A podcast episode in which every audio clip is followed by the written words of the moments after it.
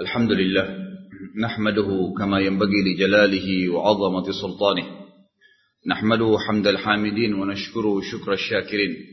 ونسلم على عبده ورسوله محمد كما صلى الله وملائكته عليه. عدد خلقه ورضا نفسه وزينة عرشه ومداد كلماته. ملء السماوات وملء الأرض وملء ما شئت من شيء بعد. Yang paling layak diucapkan oleh setiap muslim di awal aktivitasnya adalah memuji Allah subhanahu wa ta'ala. Alhamdulillah. Lalu yang kedua memanjatkan salawat dan taslim besar Muhammad sallallahu alaihi wasallam. Atas junjungan lebih besar Muhammad sallallahu alaihi wasallam sebagaimana Allah dan malaikat yang berikan salam kepada beliau. Bapak Ibu sekalian seperti biasa di Selasa yang ganjil kita ganjil ya mengisi kitab bin Hajil Muslim dan malam ini kita melanjutkan pasal ke-9 tentang beriman kepada risalah Nabi Muhammad sallallahu alaihi wasallam. Tentu pertemuan yang lalu kita sudah membahas tentang beriman kepada risalah para nabi-nabi, rasul-rasul sebelum Nabi Muhammad sallallahu alaihi wasallam. Dan sudah ada rincian yang saya sampaikan berhubungan dengan masalah itu panjang lebar yang lalu. Sekarang kita masuk ke bahasan mengerucutkan bahasan di antara rasul-rasul ini. Ada rasul pilihan di antara 124 ribu nabi, ada 313 rasul dan puncak atau pemimpin daripada mereka semua adalah Nabi Muhammad sallallahu alaihi wasallam. Semua nabi-nabi mengetahui masalah itu, semua umat-umat sebelum Nabi Muhammad SAW mengetahui masalah itu, dan beliau sendiri menyebutkan di dalam hadis Bukhari tentang masalah syafaat kubra. Beliau mengatakan, apakah kalian tahu bagaimana nanti manusia di hari kiamat akan mengetahui kedudukanku? Artinya orang yang tidak sempat mendengar tentang risalah Nabi Shallallahu Alaihi Wasallam, tidak sempat masuk Islam, tidak sempat tahu tentang kisah kehidupan beliau, maka kata Nabi SAW, bagaimana manusia bisa tahu kedudukanku? Sehingga aku adalah manusia pilihan Ya, di akhirat nanti setelah meninggal semua manusia akan berkumpul. Yang sudah meninggal umat-umat sebelum kita yang hidup bersama Nabi Shallallahu Alaihi Wasallam sezaman dan yang sekarang yang setelah Nabi SAW meninggal dunia. Maka para sahabat mengatakan Allah dan Rasulnya lebih tahu. Maka Nabi Shallallahu Alaihi Wasallam berkata, nanti manusia akan dibangkitkan di mahsyar dalam kondisi tidak menggunakan ya, pakaian, tidak menggunakan alas kaki dan tidak terhitan, serta mereka akan dikumpulkan di belakang nabinya masing-masing. Lalu pada saat itu Allah Azza wa Jal murka karena terlalu banyaknya dosa yang dilakukan oleh manusia dan jin. Maka Allah pun subhanahu wa ta'ala berdiam dan tidak datang menghukumi manusia. Maka manusia pun datang kepada Nabi Adam alaihissalam. Lalu manusia berkata kepada Adam, wahai Adam, engkau ayah kami yang pertama, engkaulah manusia pertama, engkaulah makhluk yang diciptakan atau manusia yang diciptakan oleh Allah dengan telapak tangannya. Maka mohonlah kepada Allah agar bisa datang menghakimi kami, kami ke neraka atau ke surga. Lalu kata Nabi Adam alaihissalam, saya tidak berani karena hari ini Tuhanku telah murka, belum murka sebelumnya seperti ini. Makan diriku sendiri, diriku sendiri. Cobalah pergi ke Idris. Idris juga mengucapkan yang sama, menolak karena takut dengan Allah Subhanahu wa taala diriku sendiri, diriku sendiri. Coba pergi kepada Hud, Hud kepada Saleh, Saleh kepada Syuaib. Nabi-nabi terus saling menunjuk satu sama yang lain sampai terakhir Isa alaihissalam menunjuk Nabi Muhammad sallallahu alaihi wasallam dan beliau pun Isa menolak ya untuk menjadi pemberi syafaat kepada Allah Subhanahu wa taala, minta agar Allah datang menghakimi manusia. Maka akhirnya mereka pun datang kepadaku kata Nabi sallallahu alaihi wasallam dan berkata wahai Muhammad engkau lah ya nabi yang terakhir engkaulah utusan Allah yang diutus untuk seluruh makhluk manusia dan jin. Ya beda dengan nabi-nabi sebelum beliau. Maka mintalah kepada Allah agar Allah datang menghakimi kami. Kami ke neraka atau kami ke surga. Lalu Nabi saw bersabda di depan manusia semua pada saat itu ana lahu ana lahu. Saya pemiliknya saya pemiliknya. Lalu Nabi saw pun pada saat itu sujud. Kata beliau, aku pun datang ke bawah singa sana Allah, arsnya Allah dan sujud. Dan Allahu a'lam berapa lama saya sujud. Serta Allah Azza wa Jal membukakan untuk saya ya, puji-pujian yang belum pernah diajarkan kepada siapa pun dari makhluknya. Sampai terdengar suara Allah subhanahu wa ta'ala mengatakan, Allah Azza wa Jal berkata, ya, berfirman kepada Nabi SAW, Wahai Muhammad, irfa' ra'sak washfa' tushfa' Hai Muhammad, angkatlah kepalamu, berikanlah syafaat, maka saya pasti akan ya menerima syafaatmu atau permintaanmu. Maka Nabi SAW meminta dua syafaat waktu itu. Syafaat yang pertama adalah agar seluruh makhluk pada saat itu dihakimi oleh Allah Subhanahu Wa Taala dan syafaat yang kedua khusus untuk orang-orang yang beriman dari umat Nabi Sallallahu Alaihi Wasallam. Maka pada saat itulah manusia mengetahui jelas ya tentang Nabi Sallallahu Alaihi Wasallam dan kedudukan beliau karena semua nabi-nabi nggak ada yang bisa memberikan syafaat kecuali beliau Sallallahu Alaihi Wasallam. Dan saya sudah titik beratkan juga Bapak Ibu sekalian pada pertemuan kita yang lalu. Bahwasanya semua nabi-nabi diutus khusus untuk kaumnya.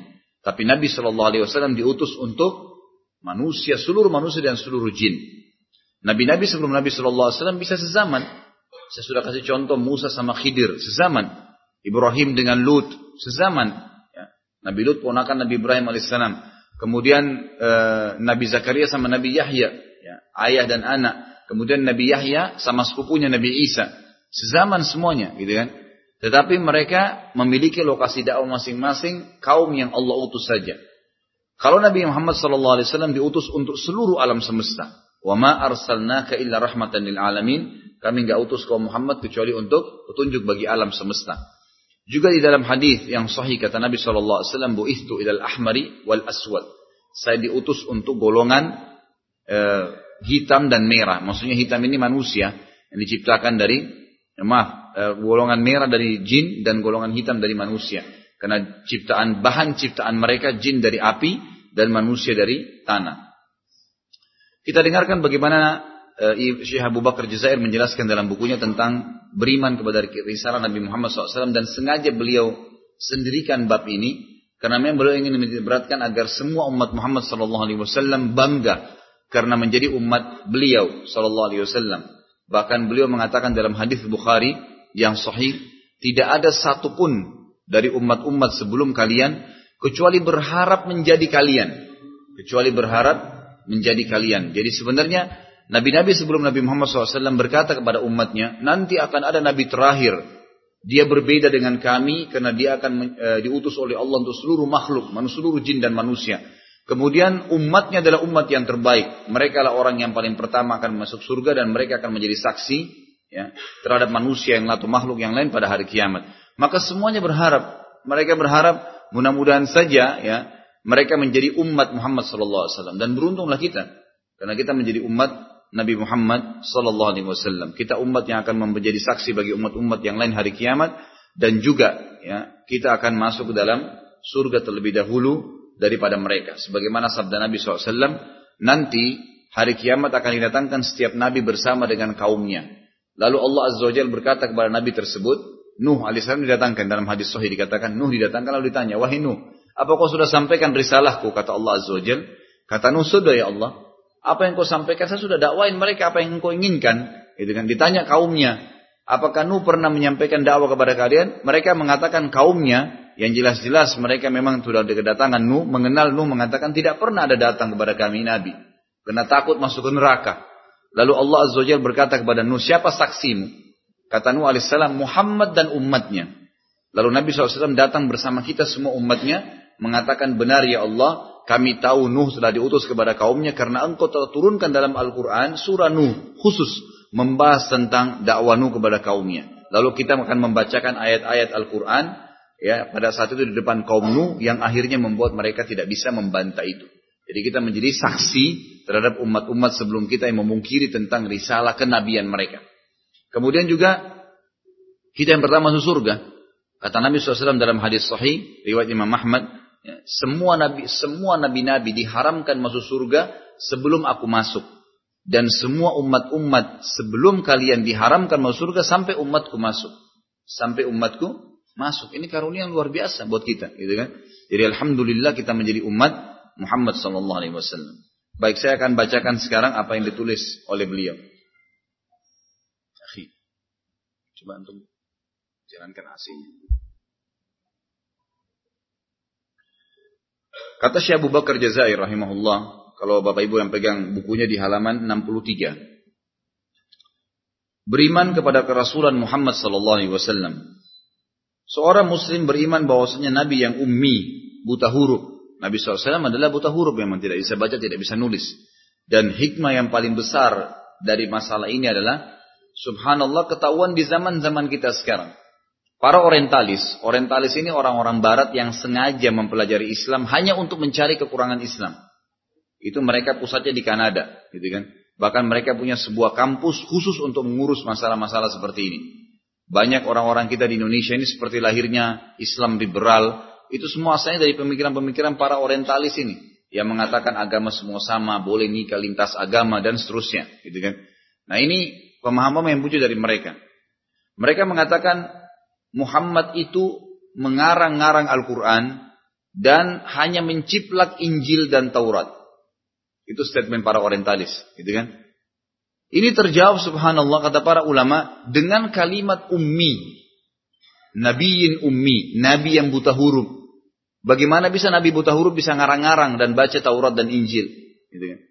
Ini subhanallah di zaman Nabi SAW orang masih banyak belum tahu. Kenapa kok Nabi SAW diutus sementara beliau tidak bisa baca, tidak bisa nulis. Ternyata sekarang di akhir zamannya terbukti manfaatnya. Ya. Jadi terbantahkan dengan sendirinya waktu mereka bilang Muhammad mengarang-ngarang atau menciplak Taurat dan Injil. Jadi orientalis menyebarkan berita itu seluruh dunia. Mengatakan Muhammad memilah-milah ayat ambil dari Taurat, ambil dari Injil, lalu jadilah Al-Quran. Karena buktinya ada banyak ayat-ayat yang menyinggung tentang Yahudi dan dan kaum Nasrani. Beliau mengatakan seorang muslim beriman bahwasanya nabi yang ummi, yang buta huruf yaitu Muhammad bin Abdullah bin Abdul Muttalib Al-Hashimi Al-Qurashi Al-Arabi yang berasal dari keturunan Nabi Ismail dan Ibrahim bin Ibrahim Al-Khalil. Itu kekasih Allah Subhanahu wa taala alaihi wassalatu wassalam adalah hamba Allah dan Rasulnya yang diutus kepada segenap umat manusia, baik yang berkulit merah maupun yang berkulit putih. Dan dengan kenabiannya Allah menutup dan mengakhiri kenabian dan kerasulan. Maka tidak ada nabi dan tidak ada pula rasul sesudah beliau sallallahu alaihi wasallam. Ini statement sekaligus membantah apa yang di ya kumandankan sekarang oleh para Ahmadiyah, kelompok Ahmadiyah yang mengaku ada nabi setelah Nabi Muhammad Sallallahu Alaihi Wasallam yang menganggap pimpinan mereka dulu di Pakistan, ya di India yang yang bernama Mirza Ahmad Gulam sebagai nabi, yang mengatakan setelah Nabi Muhammad ada nabi dan ini semua kebohongan, nggak ada. Nabi Shallallahu Alaihi Wasallam mengatakan dalam hadis Bukhari, "Laukana ba'di nabiyun lakana Umar." Kalau seandainya ada setelahku nabi, maka pasti itu adalah Umar bin Khattab. Ya, karena Umar bin Khattab memang sangat dekat dengan Allah SWT dan banyak ayat Al-Quran turun sesuai dengan apa yang disampaikan oleh Umar radhiyallahu anhu seperti tentang ayat hijab, ayat pengharaman khamar, ayat tentang perceraian atau akan diceraikannya istri-istri Nabi SAW, tawanan Badar, banyak sekali kejadian-kejadian yang memang Umar bin Khattab berikan pendapat, maka turunlah ayat Al-Quran menyetujui masalah tersebut. Tapi saksi bahasan kita, kata Nabi kalau seandainya ada Nabi setelahku, maka dia adalah Umar. Tapi memang tidak ada. Dan beliau juga mengatakan dalam banyak hadis, ya ketahuilah akan datang setelahku 50 dajjal, pembohong semuanya. Mereka semua mengaku nabi tapi jangan kalian percaya sungguhnya saya adalah penutup nabi dan rasul. Penutup nabi dan rasul. Jadi ini penyampaian dari atau eh, makna daripada kalimat beliau tadi. Nabi Muhammad SAW didukung dengan beberapa mukjizat. Mukjizat sudah saya jelaskan juga pertemuan yang lalu adalah syai'un khariku anil adah dalam definisinya, sesuatu yang di luar daripada kapasitas manusia ya untuk menguatkan bahwasanya ini memang nabi utusan Allah dan Allah memberikan mukjizat sesuai dengan ya, keadaan kaum pada saat itu. Nabi Musa alaihissalam Fir'aun suka dengan sihir dikasih juga benda yang mengalahkan sihir itu. Tongkat Nabi Musa berubah jadi ular, mengalahkan sihir mereka. Waktu penyihir melempar tali-tali mereka berubah menjadi ular-ular yang bergerak, dan itu cuman bergerak, tidak bisa menyerang.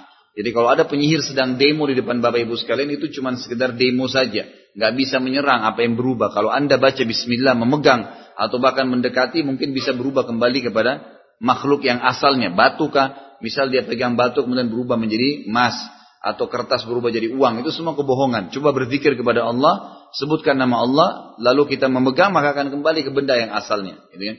Ternyata waktu Nabi Musa AS lempar tongkatnya. Berubah jadi ular dan ular yang Nabi Musa ini jalan serta memakan ular-ular kecil para penyihir. Makanya spontan mereka semua sujud pada Allah SWT. Sudah tahu ini bukan sihir gitu. Nabi Isa alaihissalam terkenal di zamannya dengan kedokteran. Maka Allah SWT memberikan mujizat Nabi Isa alaihissalam lahir tanpa bapak, tanpa ada sperma. setetes pun yang masuk ke rahim sucinya Maryam alaihissalam. Gitu kan? Allah jelaskan panjang lebar dalam surah Maryam masalah itu. Ya, jadi tidak ada sama sekali. Ini tidak sampai sekarang tidak ditemukan dalam ilmu kedokteran. Gak mungkin sperma tidak dipertemukan sama seteru lalu bisa lahir anak. Gak mungkin. Gitu kan? Mustahil udah di alam manusia. Tapi ini terjadi. Tapi ini terjadi. Nabi Muhammad SAW juga datang dan karena beliau utusan ya untuk seluruh makhluk maka mukjizat Nabi SAW jauh lebih hebat. Sebagaimana akan banyak saya jelaskan nanti. Bisa membatalkan semua penyihir, bisa mengalahkan semua ilmu kedokteran, bisa segala macam hal. Gitu kan. Dan kita sayangkan karena banyak umat Muhammad SAW yang tahu mukjizat Nabi hanya Al-Quran. Padahal tidak kurang dari 30 lebih mukjizat Nabi SAW yang akan nanti insya Allah coba kita rincikan dengan izin Allah. Mudah-mudahan Allah berkahi. Bagaimana mujizat Nabi SAW berhubungan dengan penyembuhan penyakit, diterimanya doa, turunnya hujan, ya kemudian eh, kuasa Nabi SAW terhadap air, terhadap hewan, banyak sekali. Mujizat Nabi SAW nanti akan diberikan gambaran. Nabi Muhammad SAW kata beliau didukung dengan beberapa mujizat dan diutamakan atas segenap Nabi. Sebagaimana umatnya telah diutamakan atas segenap umat. Allah telah mewajibkan cinta kepadanya memastikan taat kepadanya dan mengharuskan mutaba'ah atau mengikutinya. Allah subhanahu wa ta'ala juga telah memberikan kelebihan-kelebihan atau khasais. Bahasa Arabnya khasais, bahasa Indonesia kelebihan-kelebihan ya, keutamaan-keutamaan. Kepada beliau yang belum pernah diberikan kepada siapa pun selain beliau. Yang di antaranya adalah al-wasilah. Kalau Bapak Ibu habis azan, biasanya kita meminta ati Muhammadanil wasilata ya, wal fadilah. Wasilah ini adalah nama atau istilah bagi sebuah kem, sebuah istana, gitu kan? Sebuah kem istana yang sangat besar, luas dan dia yang tertinggi di surga. Nggak ada lagi yang lebih leks daripada itu. Dan ini cuma satu. Serta al-wasilah ini diperebutkan oleh para nabi-nabi. Kita ini nggak bisa berebut di situ. Itu hanya para nabi saja yang bisa berebut, gitu kan? Kata Nabi SAW, kalau kalian dengarkan muadzin, ucapkanlah seperti apa yang diucapkan olehnya, lalu bacalah salawat untukku. Ya, kemudian karena siapa yang memberikan salawat kepadaku satu kali, Allah akan berikan kepadanya salam atau salawat sepuluh kali. Artinya Allah akan tambahkan rahmat kepadanya sepuluh kali. Dan mintalah setelah itu untukku al-wasilah. Karena dia adalah sebuah istana di surga, kem istana yang tidak layak kecuali untuk satu orang saja hamba Allah. Dan saya berharap itu tempat saya. Siapa yang minta wasiat wasilah untukku, maka dia akan mendapatkan syafaatku. Gitu kan? Jadi semua umat ya mendoakan berdoa kepada Allah agar nabinya yang dapat wasilah. Nabi Muhammad SAW juga meminta kita mendoakan. Nah karena beliau paling banyak pengikutnya pada hari kiamat, maka al-wasilah akan diberikan kepada beliau Sallallahu Alaihi Wasallam. Dan ini sebuah kem di istana saya katakan di surga nanti, kem istana ya yang tidak ada yang yang paling tinggi dan tidak ada saingannya di surga nantinya. al kausar juga khas, khusus para nabi-nabi yang miliki ini. al kausar adalah telaga tadi di padang mahsyar. Sebuah telaga. Nanti di mahsyar kita akan kehausan. Ya. Semua orang haus. Lalu kata Nabi SAW, aku akan menunggu kalian di al kausar Ya. Sebagian hadis menjelaskan namanya haut. Diberikan haut. Kata Nabi SAW, aku akan menunggu kalian di haut. Di haut. Haut ini kata Nabi SAW sebuah kuala yang sangat luas, seluas pandangan mata. Dan canteng untuk minum, itu jumlahnya seperti bintang di langit, miliaran. Kalian semua akan minum. Siapa yang minum seteguk dari situ, maka tidak akan pernah haus selamanya. Dan ini diberikan untuk umat Muhammad SAW. Tentu ada nanti orang-orang yang umat Muhammad SAW tapi ditahan untuk minum. Karena mereka murtad. Ya, sebagaimana hadis Nabi SAW dalam hadis Bukhari menjelaskan, aku nanti menunggu kalian di khaut, ya, didampingi oleh para malaikat. Lalu kalian berdatanganlah sampai datang beberapa orang yang dulu jadi sahabatku, tapi ditahan oleh malaikat, nggak boleh. Ya, mereka ditahan. Kata, kata Nabi SAW, aku berkata, usai habi, usai habi, usai habi, usai habi. Sahabatku ini, sahabatku kenapa ditahan? Kata para malaikat, wahai Muhammad, kau tidak tahu apa yang mereka lakukan setelah kau meninggal. Artinya, ini orang-orang yang sempat murtad setelah kau meninggal. Kata sebagian ulama hadis ini adalah orang-orang Arab Badui yang memang datang karena ketakutan saja pada saat Nabi SAW hidup. Kemudian mereka syahadat lalu pada saat Nabi meninggal mereka murtad. Gitu kan? Seperti kita tahu kisah ada mani'un zakat. Orang-orang yang menolak membayar zakat. Pada saat Nabi SAW meninggal yang Abu Bakar perangin, gitu kan? Kemudian ada Al Aswad Al Unsi, ada orang yang di Yaman mengaku raja dan dia mengaku juga nabi, gitu kan? Ada Musailam Al Kadzab, ada orang lain juga yang mengaku juga sebagai nabi di Jazirah Arab juga. Itu sama dan para pengikutnya dulunya Muslim, tapi setelah itu mereka murtad. Ya. Kemudian juga beliau diberikan al-maqam Al-maqam al-mahmud. Maqam al-mahmud adalah kedudukan yang mulia. Sebagian ulama mengatakan adalah kemuliaan maqam al-mahmud ini masuk dalam apa pun yang sifatnya dimuliakan Nabi SAW. Seperti diberikan kesempatan syafaat. Diberikan kesempatan untuk masuk ke surga lebih dulu. Gitu kan? Diberikan tadi tempat al-wasilah yang tinggi. Ini namanya maqam al-mahmud. Semua kedudukan yang mulia. Gitu kan? Kemudian iman yang demikian itu karena adanya dalil nakli dan akli berikut ini. Baik, sebelum saya bacakan dalilnya Bapak Ibu sekalian, kembali saya reviewkan. Kalau Bapak Ibu ada yang sudah tahu, Alhamdulillah, dianggap di review. Tapi kalau ada yang belum tahu, maka bisa mengambil pelajaran. Nabi kita Muhammad SAW sempurna secara fisik dan juga akhlak. Fisik Nabi SAW sangat sempurna dan semua Nabi diberikan kelebihan 10 kekuatan laki-laki. Gitu kan? Nabi SAW memiliki poster tubuh yang jarbu. Jarbu ini tidak terlalu tinggi, tidak terlalu pendek. Ya. Sebagian disebutkan dalam athar tingginya antara Umar bin Khattab dan Abdullah bin Mas'ud radhiyallahu anhum ajma'in. Umar bin Khattab tinggi sekali. Kalau dulu di atas kuda kakinya sampai ke tanah, gitu kan. Kalau Abdullah bin Mas'ud kurus kecil, gitu kan. Maka dikatakan berada di antara keduanya. Tentu tidak bisa diterka ya berapa sentimeter, tapi sangat ideal tinggi Nabi Shallallahu Alaihi Wasallam karena kalau Umar itu bisa di atas 2 meter tingginya, gitu kan. Kemudian Abdullah bin Mas'ud standar ya standarnya orang biasanya 160 ya, 165 kalangan laki-laki. Berarti Nabi SAW jelas di atas daripada itu, gitu kan? Di atas daripada itu. Kemudian Nabi SAW memiliki rambut yang lebat berwarna hitam dan berombak, tidak keriting, tidak lurus sekali. Yang beliau kadang-kadang biarkan sampai lumma atau jumma, sampai di kuping atau sampai di pundak. Dan beliau Shallallahu Alaihi Wasallam memiliki alis yang lebat berwarna hitam berbentuk seperti busur panah. Dan beliau punya bola mata yang besar, dipenuhi dengan bola bulu mata yang lebat, dan bola matanya itu yang putihnya berwarna putih, yang hitamnya berwarna hitam pekat. Dan ini sebagian ulama hadis mengatakan tidak ada manusia mungkin yang warna mata hitamnya ini hitam pekat. Pasti adanya coklat tua, gitu kan, coklat muda, warna lain. Tapi kalau hitam pekat itu, ya bisa dikatakan tidak ada. Dicari pas itu sudah Nabi SAW diberikan itu Allah oleh Allah SWT. Dan dengan hitamnya ya, yang lingkaran hitam ini membuat sekitarnya yang warna putih jadi putih lebih terang, gitu kan? Jadi lebih kelihatan warna putihnya. Nabi SAW seakan-akan menggunakan celak mata tapi tidak menggunakan karena hitamnya di sekitar bulu mata beliau SAW. Beliau memiliki hidung yang mancung dan lancip dan pipi, bibir dan dahi beliau mengikuti wajah yang sempurna, tidak oval, tidak juga bulat. Nabi SAW memiliki pundak yang lebar, dada yang bidang, badan yang kekar, ya. Dan perut Nabi SAW tersusun seperti batu yang keras. Kemudian Nabi SAW memiliki jenggot yang lebat sampai di dada beliau SAW dan mayoritas tubuh beliau ditumbuhi dengan bulu yang lebat di tangan, di betis dan juga di dada beliau SAW. Ini memang disebutkan dalam buku-buku Syama'il Muhammadiyah. Ada alasannya. Kenapa disebutkan ciri fisik Nabi SAW? Ini bukan untuk menyebutkan, membayangkan seorang yang badannya kekar, bukan. Tapi karena ada hadis Nabi SAW yang berbunyi, siapa yang melihat aku dalam mimpinya, maka itu berarti aku. Karena setan tidak akan menjelma menjadi aku. Nah Bapak Ibu kalau tahu, oh ternyata alisnya Nabi seperti ini, oh hidungnya seperti ini, oh kulitnya. Dan Nabi SAW memiliki kulit yang putih sekali.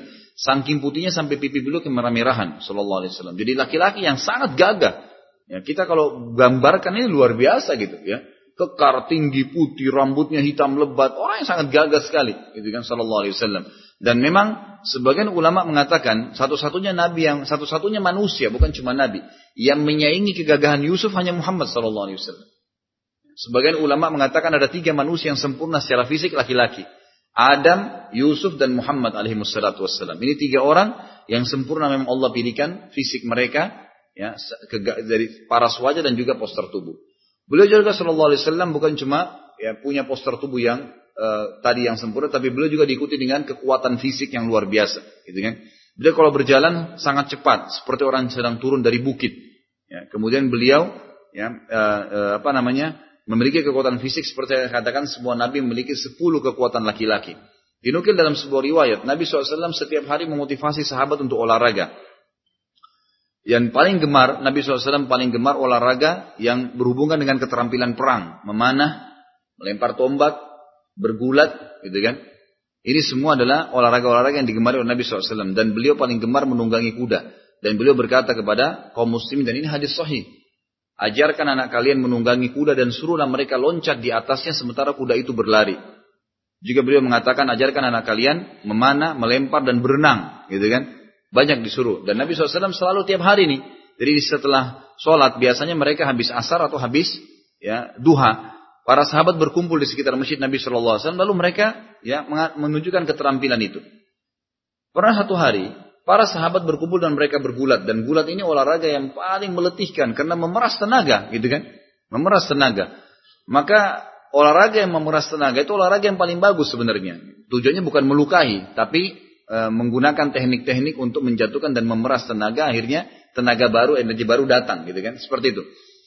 Ada seorang sahabat ya, yang terkenal kekuatannya Ali radhiyallahu anhu. Ali sangat kekar juga tubuhnya, gitu kan?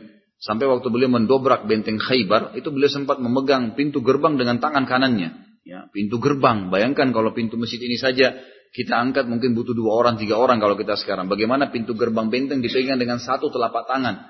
Itu luar biasa. Fisiknya bagaimana Ali radhiyallahu anhu. Beliau pernah mengalahkan gulat tiga sahabat sekaligus. Kalah satu, di kalah lagi. Ini berat ya. Dalam gulat itu nggak mungkin sampai tiga orang. Berat. Satu orang, dua orang saya sudah habis tenaga kita. Lalu kemudian Ali anhu sempat muncul ujub. Ada sedikit kebanggaannya. Lalu Nabi SAW menepuk pundaknya berkata, Wahai Ali, Pergilah ke belakang bukit sana, kau akan dapatkan orang yang akan mengalahkanmu.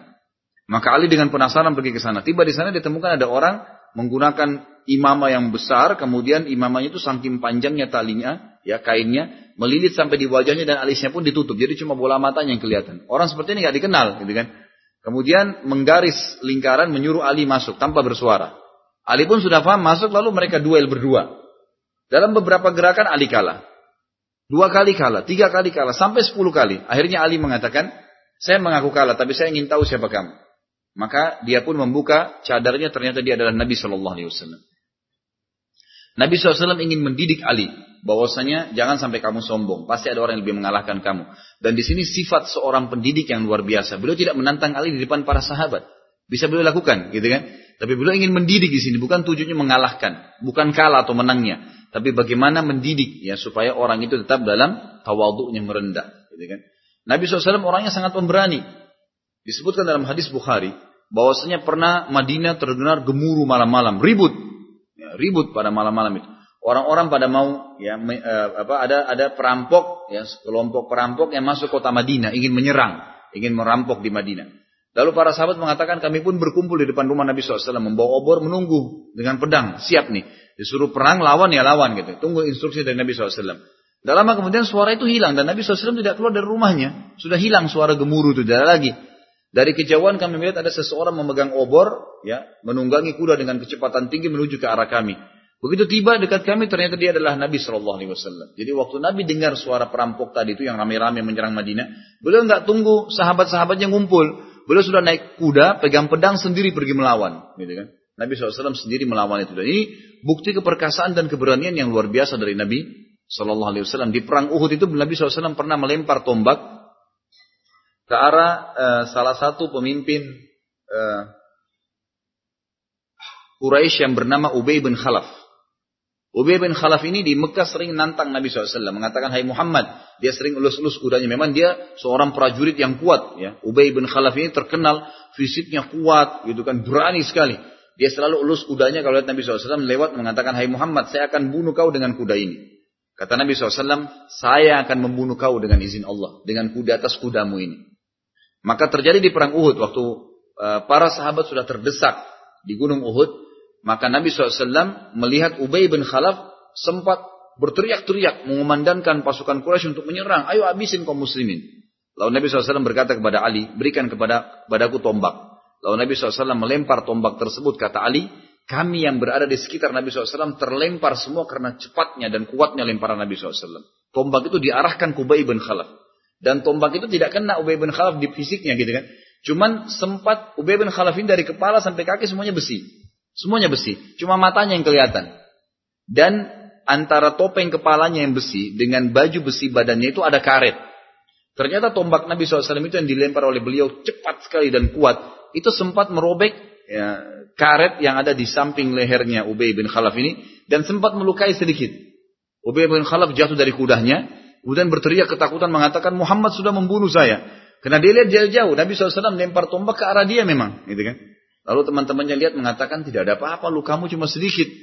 Kata Ubay bin Khalaf karena ketakutan. Kalau Muhammad dudai saya sekarang saya mati. Gitu kan. Hmm. Jadi saking takutnya dengan Nabi SAW. Ternyata dia pulang ke Mekah. Lukanya itu membusuk dan mati gara-gara luka tersebut. Dan inilah sebab sabda Nabi SAW dalam hadis Bukhari. Kalau bapak ibu baca hadis ini tidak paham kalau tidak tahu kisahnya nih.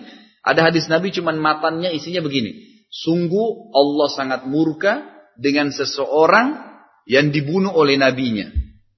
Ini maksudnya adalah Ubay bin Khalaf.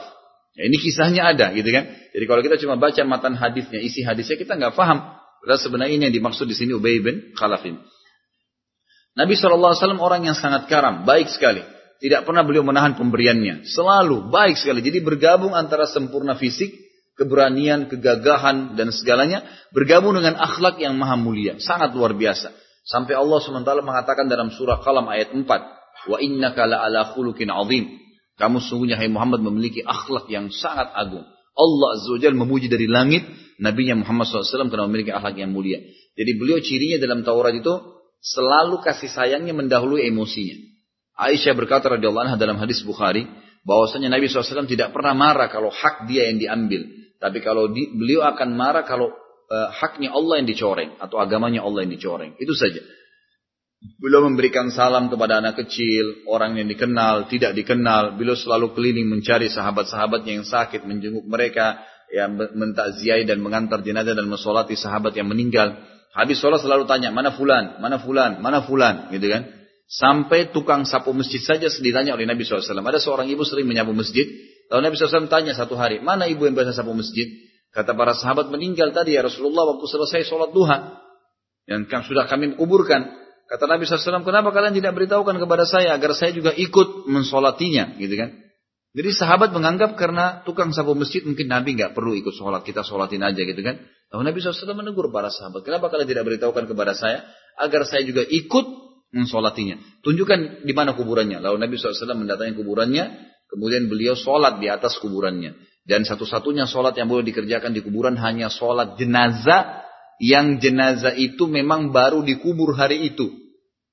Ya. Kalau bapak ibu punya kerabat dikubur nih, meninggal. Kita belum sempat sholat di hari itu ya. Maka boleh dikuburkan, eh, boleh didatangi kuburnya dan sholat di atas sesuai dengan hadis yang tadi sudah saya sebutkan Nabi SAW mensolati seorang wanita penyapu masjid di atas kuburannya. Gitu kan? Kalau dikubur hari itu ya, nggak boleh kalau sudah kemarin, besok, satu tahun, udah nggak boleh. Juga perlu saya garis bawahi Bapak Ibu sekalian, ini banyak sering terjadi di Indonesia. Sering kali kita kerjakan sholat gaib. Ya, itu. Ada yang meninggal sana sholat gaib di sini. Sholat gaib ini banyak yang tidak paham. Kalau anda kembali ke buku-buku fikih, sholat gaib itu hanya dikerjakan oleh Nabi Shallallahu Alaihi Wasallam sekali dalam hidup beliau. Itu pun ditujukan kepada seorang sahabat, eh, seorang tabiin, bukan sahabat, yang bernama Najasyi, Raja Ethiopia. Beliau sempat masuk Islam waktu itu, tapi menyembunyikan Islamnya. Di zaman Nabi SAW dan masuk Islam di tangan Nabi SAW. Dan Najashilah yang melamarkan Ummu Habibah. Ya, anaknya Abu Sufyan untuk Nabi Shallallahu Alaihi Wasallam dan menikahkan Nabi SAW dengan Ummu Habibah di Habasyah. Lalu mengirim Ummu Habibah ke Madinah untuk menjadi istri Nabi SAW.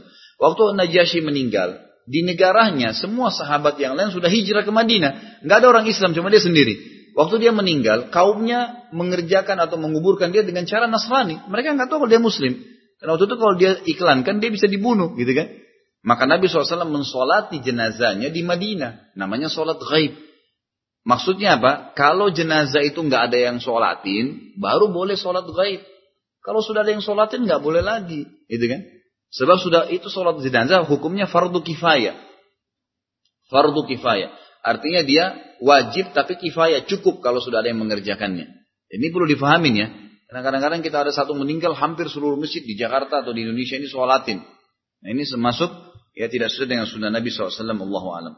Baik, kemudian Nabi SAW juga dikuatkan dengan uh, apa namanya beberapa mujizat-mujizat yang mungkin akan saya jelaskan nanti insya Allah setelah menjelaskan dalil-dalil yang ada ini. Mudah-mudahan keburu ya. Tapi insya Allah memang tidak bisa satu pertemuan. Bahasan ini mungkin ada dua atau tiga kali pertemuan. Saya bacakan dulu dalilnya. Beliau mengatakan tentang kenabian Nabi kita Muhammad Sallallahu Alaihi Wasallam. Mohon maaf, ada saya lupa tadi. Aisyah juga berkata tentang akhlak Nabi SAW. Beliau mengatakan waktu ditanya, dan orang yang paling faham tentang akhlak seorang laki-laki adalah istrinya. Laki-laki kadang-kadang jaga wibawa di luar rumahnya, tapi dalam rumahnya Allah alam, gitu kan? Kita nggak tahu. Ada orang luar biasa di luar, tapi dalam rumahnya berantakan. Ya, tidak sayang sama istrinya, tidak mendidik mereka, tidak mengingatkan kalau salah, tidak memenuhi kebutuhan-kebutuhannya. Tapi di luar seakan-akan luar biasa, gitu kan? Ini yang salah ini. Maka Aisyah ditanya oleh para sahabat, mereka berkata, jujurlah wahai Aisyah, bagaimana akhlak Nabi Shallallahu Alaihi Wasallam? Kata Aisyah dengan polos mengatakan, kana khuluquhul Quran. Akhlaknya Nabi SAW adalah Al-Quran. Seperti Al-Quran jalan di muka bumi itu Nabi SAW. Dan Anas bin Malik, membantu Nabi Shallallahu Alaihi Wasallam, beliau ya diberikan Ummu Hani, salah satu dari sahabiat Nabi, itu sangat cinta dengan Nabi SAW. Maksudnya menghormati sebagai Nabi ya. Lalu saking sayangnya dengan Nabi SAW, dia membawa anaknya namanya Anas bin Malik. Ya Rasulullah ini anak saya, jadikan pembantu anda. Pokoknya suruh kerja apa saja. Gitu kan. Silakan. Maka Anas bin Malik membantu Nabi SAW memenuhi kebutuhannya selama eh, 10 tahun.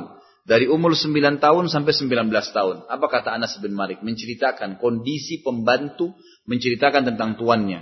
Dia bilang, ya saya bekerja selama 10 tahun bersama Nabi Shallallahu Alaihi Wasallam.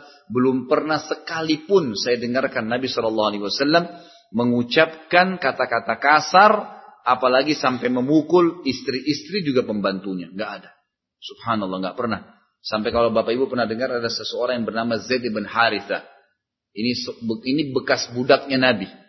Jadi Zaid bin Haritha ini ceritanya berperang suku dia dengan suku yang lain kemudian dikalahkan ya sukunya Zaid bin Haritha. Maka Zaid pisah dengan ayahnya Haritha. Haritha adalah kepala suku. Akhirnya Zaid ini diperjualbelikan di pasar pasar pasar budak sampai tiba di tangannya Khadijah radhiyallahu anha. Waktu Khadijah menikah dengan Nabi SAW, Khadijah ya, menghadiahkan Zaid kepada Nabi SAW. Ya Rasulullah, eh, wahai suamiku ini buat anda. Silakan, ini budak ini buat anda.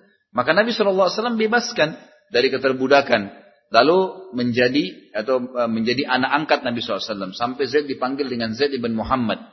Sampai turun firman Allah Subhanahu wa taala A'udzu billahi minasyaitonir rajim. Ma kana Muhammadun aba hadim rijalikum walakin uh, walakin uh, Rasulullah wa khataman nabiyyin. Bukanlah Muhammad ayah seseorang dari kalian tapi dia adalah rasul dan penutup para nabi-nabi gitu kan? Baru diganti kembali namanya menjadi Zaid bin Haritha satu waktu, Haritha ini, ayahnya Zaid datang ke Mekah. Mendengar, oh ternyata anaknya ada sama seseorang tokoh Mekah bernama Muhammad. Dia datang jauh-jauh ke sana. Pas tiba di Mekah, dia bertemu dengan Nabi SAW dan berkata, Wahai Muhammad, anakku Zaid ini bukan budak dia. Saya kepala suku dan ini anak saya adalah orang yang terhormat. Cuma kami kalah perang, akhirnya dia, perjual, dia jadi tawanan, diperjualbelikan sampai jadi budak di tanganmu. Bisa nggak saya tebus anak saya? Sekarang kami sudah punya kemampuan. Kata Nabi SAW, nggak usah tebus. Tanya aja Zaid. Kalau Zaid mau kembali dengan anda, silakan. Ambil saja, nggak usah bayar. Tapi kalau dia pilih saya, anda harus ridhokan. Maka senyumlah ayahnya Zaid, namanya Harith kan. Dia mengatakan, baiklah Muhammad, keputusan yang bijak. Dia datang kepada anaknya Zaid berkata, wahai Zaid, Muhammad orang yang bijaksana. Dia memberikan kamu kesempatan lepas dari keterbudakanmu. Kamu nggak usah jadi budaknya lagi. Dengan syarat satu saja, kau memilih saya. Kalau kau pilih ikut dengan saya ayahmu, maka kau akan secara otomatis bebas dari keterbudakan. Tapi kalau kau tidak mau, tetap kau dalam budak menjadi budaknya Muhammad. Apa kata Zaid? Mengagetkan ayahnya dan ayahnya hanya membiarkan anaknya. Meridhokan apa boleh buat, anaknya mau begitu. Kata Zaid, saya tidak mungkin memilih orang lain ya kalau dibandingkan dengan Muhammad. Ini kata santunnya. Maksudnya, anda pun ayah saya, saya nggak bisa milih. Ini Muhammad saya dahulukan. Kata ulama, bagaimana akhlaknya Nabi SAW dengan budaknya sampai budaknya tidak mau kembali kepada ayahnya. Itu satu hal yang luar biasa ya. Dan cukup banyak tentunya berhubungan dengan masalah akhlak Nabi SAW yang tidak semua kita bisa rincikan. Dikatakan oleh beliau dalil-dalil nakli yang menjelaskan tentang kerisalaan atau kerasulan Nabi Muhammad SAW. Yang pertama kesaksian Allah dan para malaikatnya bagi Nabi Muhammad bahwasanya SAW beliau menerima wahyu sebagaimana firman Allah di dalam surah An-Nisa ayat 166. A'udzu billahi minasyaitonir rajim lakinillahu yashhadu bima anzala ilaik anzalahu bi'ilmi wal malaikatu yashhadun wa kafa billahi syahida. Mereka tidak mau mengakui yang diturunkan kepadamu itu hai Muhammad, tapi Allah mengakui Al-Quran yang diturunkannya kepadamu. Allah menurunkannya dengan ilmunya. Dan malaikat-malaikat pun menjadi saksi atas turunnya Al-Quran itu Cukuplah Allah yang mengakuinya. Tapi kalau mereka nolak nggak masalah, hai Muhammad. Ini berarti memberikan gambaran kepada kita. Bagi orang yang beriman, yang meyakini Allah ada, Rasulullah Muhammad SAW Nabi, kitab Al-Quran adalah kitab yang benar dari langit, berarti benar memang ya Al-Quran ini eh, apa benar memang Nabi SAW adalah utusan Allah dan Allah sendiri mengakui masalah itu. Yang kedua, informasi dari Allah mengenai universalitas kerasulan Nabi Muhammad SAW, akhir kenabian kewajiban taat dan mencintainya dan sebagai nabi penutup sebagaimana diturunkan atau difirmankan dalam surah An-Nisa ayat 170. Empat ayat setelah dalil yang pertama tadi. A'udzu billahi minasyaitonir rajim. Ya ayuhan nas Ya ayuhan nas qad ja'akumur rasulu bil haqqi min rabbikum fa aminu khairan lakum. Al-ayat. Hai sekalian manusia, sesungguhnya telah datang Rasul Muhammad kepadamu dengan membawa kebenaran dari Rabbmu maka berimanlah kamu itu akan lebih baik bagimu. Semua manusia, semua jin diperintahkan untuk beriman dengan risalah Nabi sallallahu alaihi wasallam. Juga firman Allah SWT dalam surah Al-Maidah ayat 19. A'udzu billahi minasyaitonir rajim. Ya ahlal kitab qad ja'akum rasuluna yubayyin lakum ala fatratin minar rusul an taqulu ma ja'ana min basyirin wala nadhir. Faqad ja'akum basyirun wa nadhir. Al-ayat. Hai ahli kitab, Yahudi dan Nasrani, sungguh telah datang kepadamu Rasul kami, Muhammad sallallahu alaihi wasallam, menjelaskan syariat kami kepadamu ketika pengiriman Rasul-Rasul terputus, agar kamu tidak mengatakan tidak datang kepada kami bagi seorang pembawa berita, berita gembira maupun seorang pemberi peringatan. Sesungguhnya telah datang kepadamu pembawa berita gembira dan pembawa peringatan. Firman Allah yang lain surah Al-Anbiya ayat 107. A'udzu billahi minasyaitonir rajim. Wa ma arsalnaka illa rahmatan lil alamin. Kami enggak utus kau Muhammad kecuali melainkan memang menjadi petunjuk atau rahmat bagi semesta alam. Al-Jum'ah ayat 2. Allah SWT juga menjelaskan masalah itu. A'udzu billahi minasyaitonir rajim. هو الذي بعث في الأميين رسولا منهم يتلو عليهم آياته ويزكيهم ويعلمهم الكتاب والحكمة wa yu'allimuhumul kitaba wal hikmata wa in kanu dhalalin mubin. Dialah Allah yang telah mengutus kepada kaum yang buta huruf, penduduk Mekah, seorang rasul di antara mereka yang membacakan ayat-ayatnya, ayat-ayat Allah kepada mereka, mensucikan mereka dan mengajarkan kepada mereka kitab dan hikmah. Hikmah adalah sunnah. Ya. Dan sesungguhnya mereka sebelumnya benar-benar dalam kesesatan yang nyata karena mereka menyembah berhala. Dalam Al-Fatih ayat 29 Allah SWT mengatakan A'udzu billahi minasyaitonir rajim. Muhammadur Rasulullah.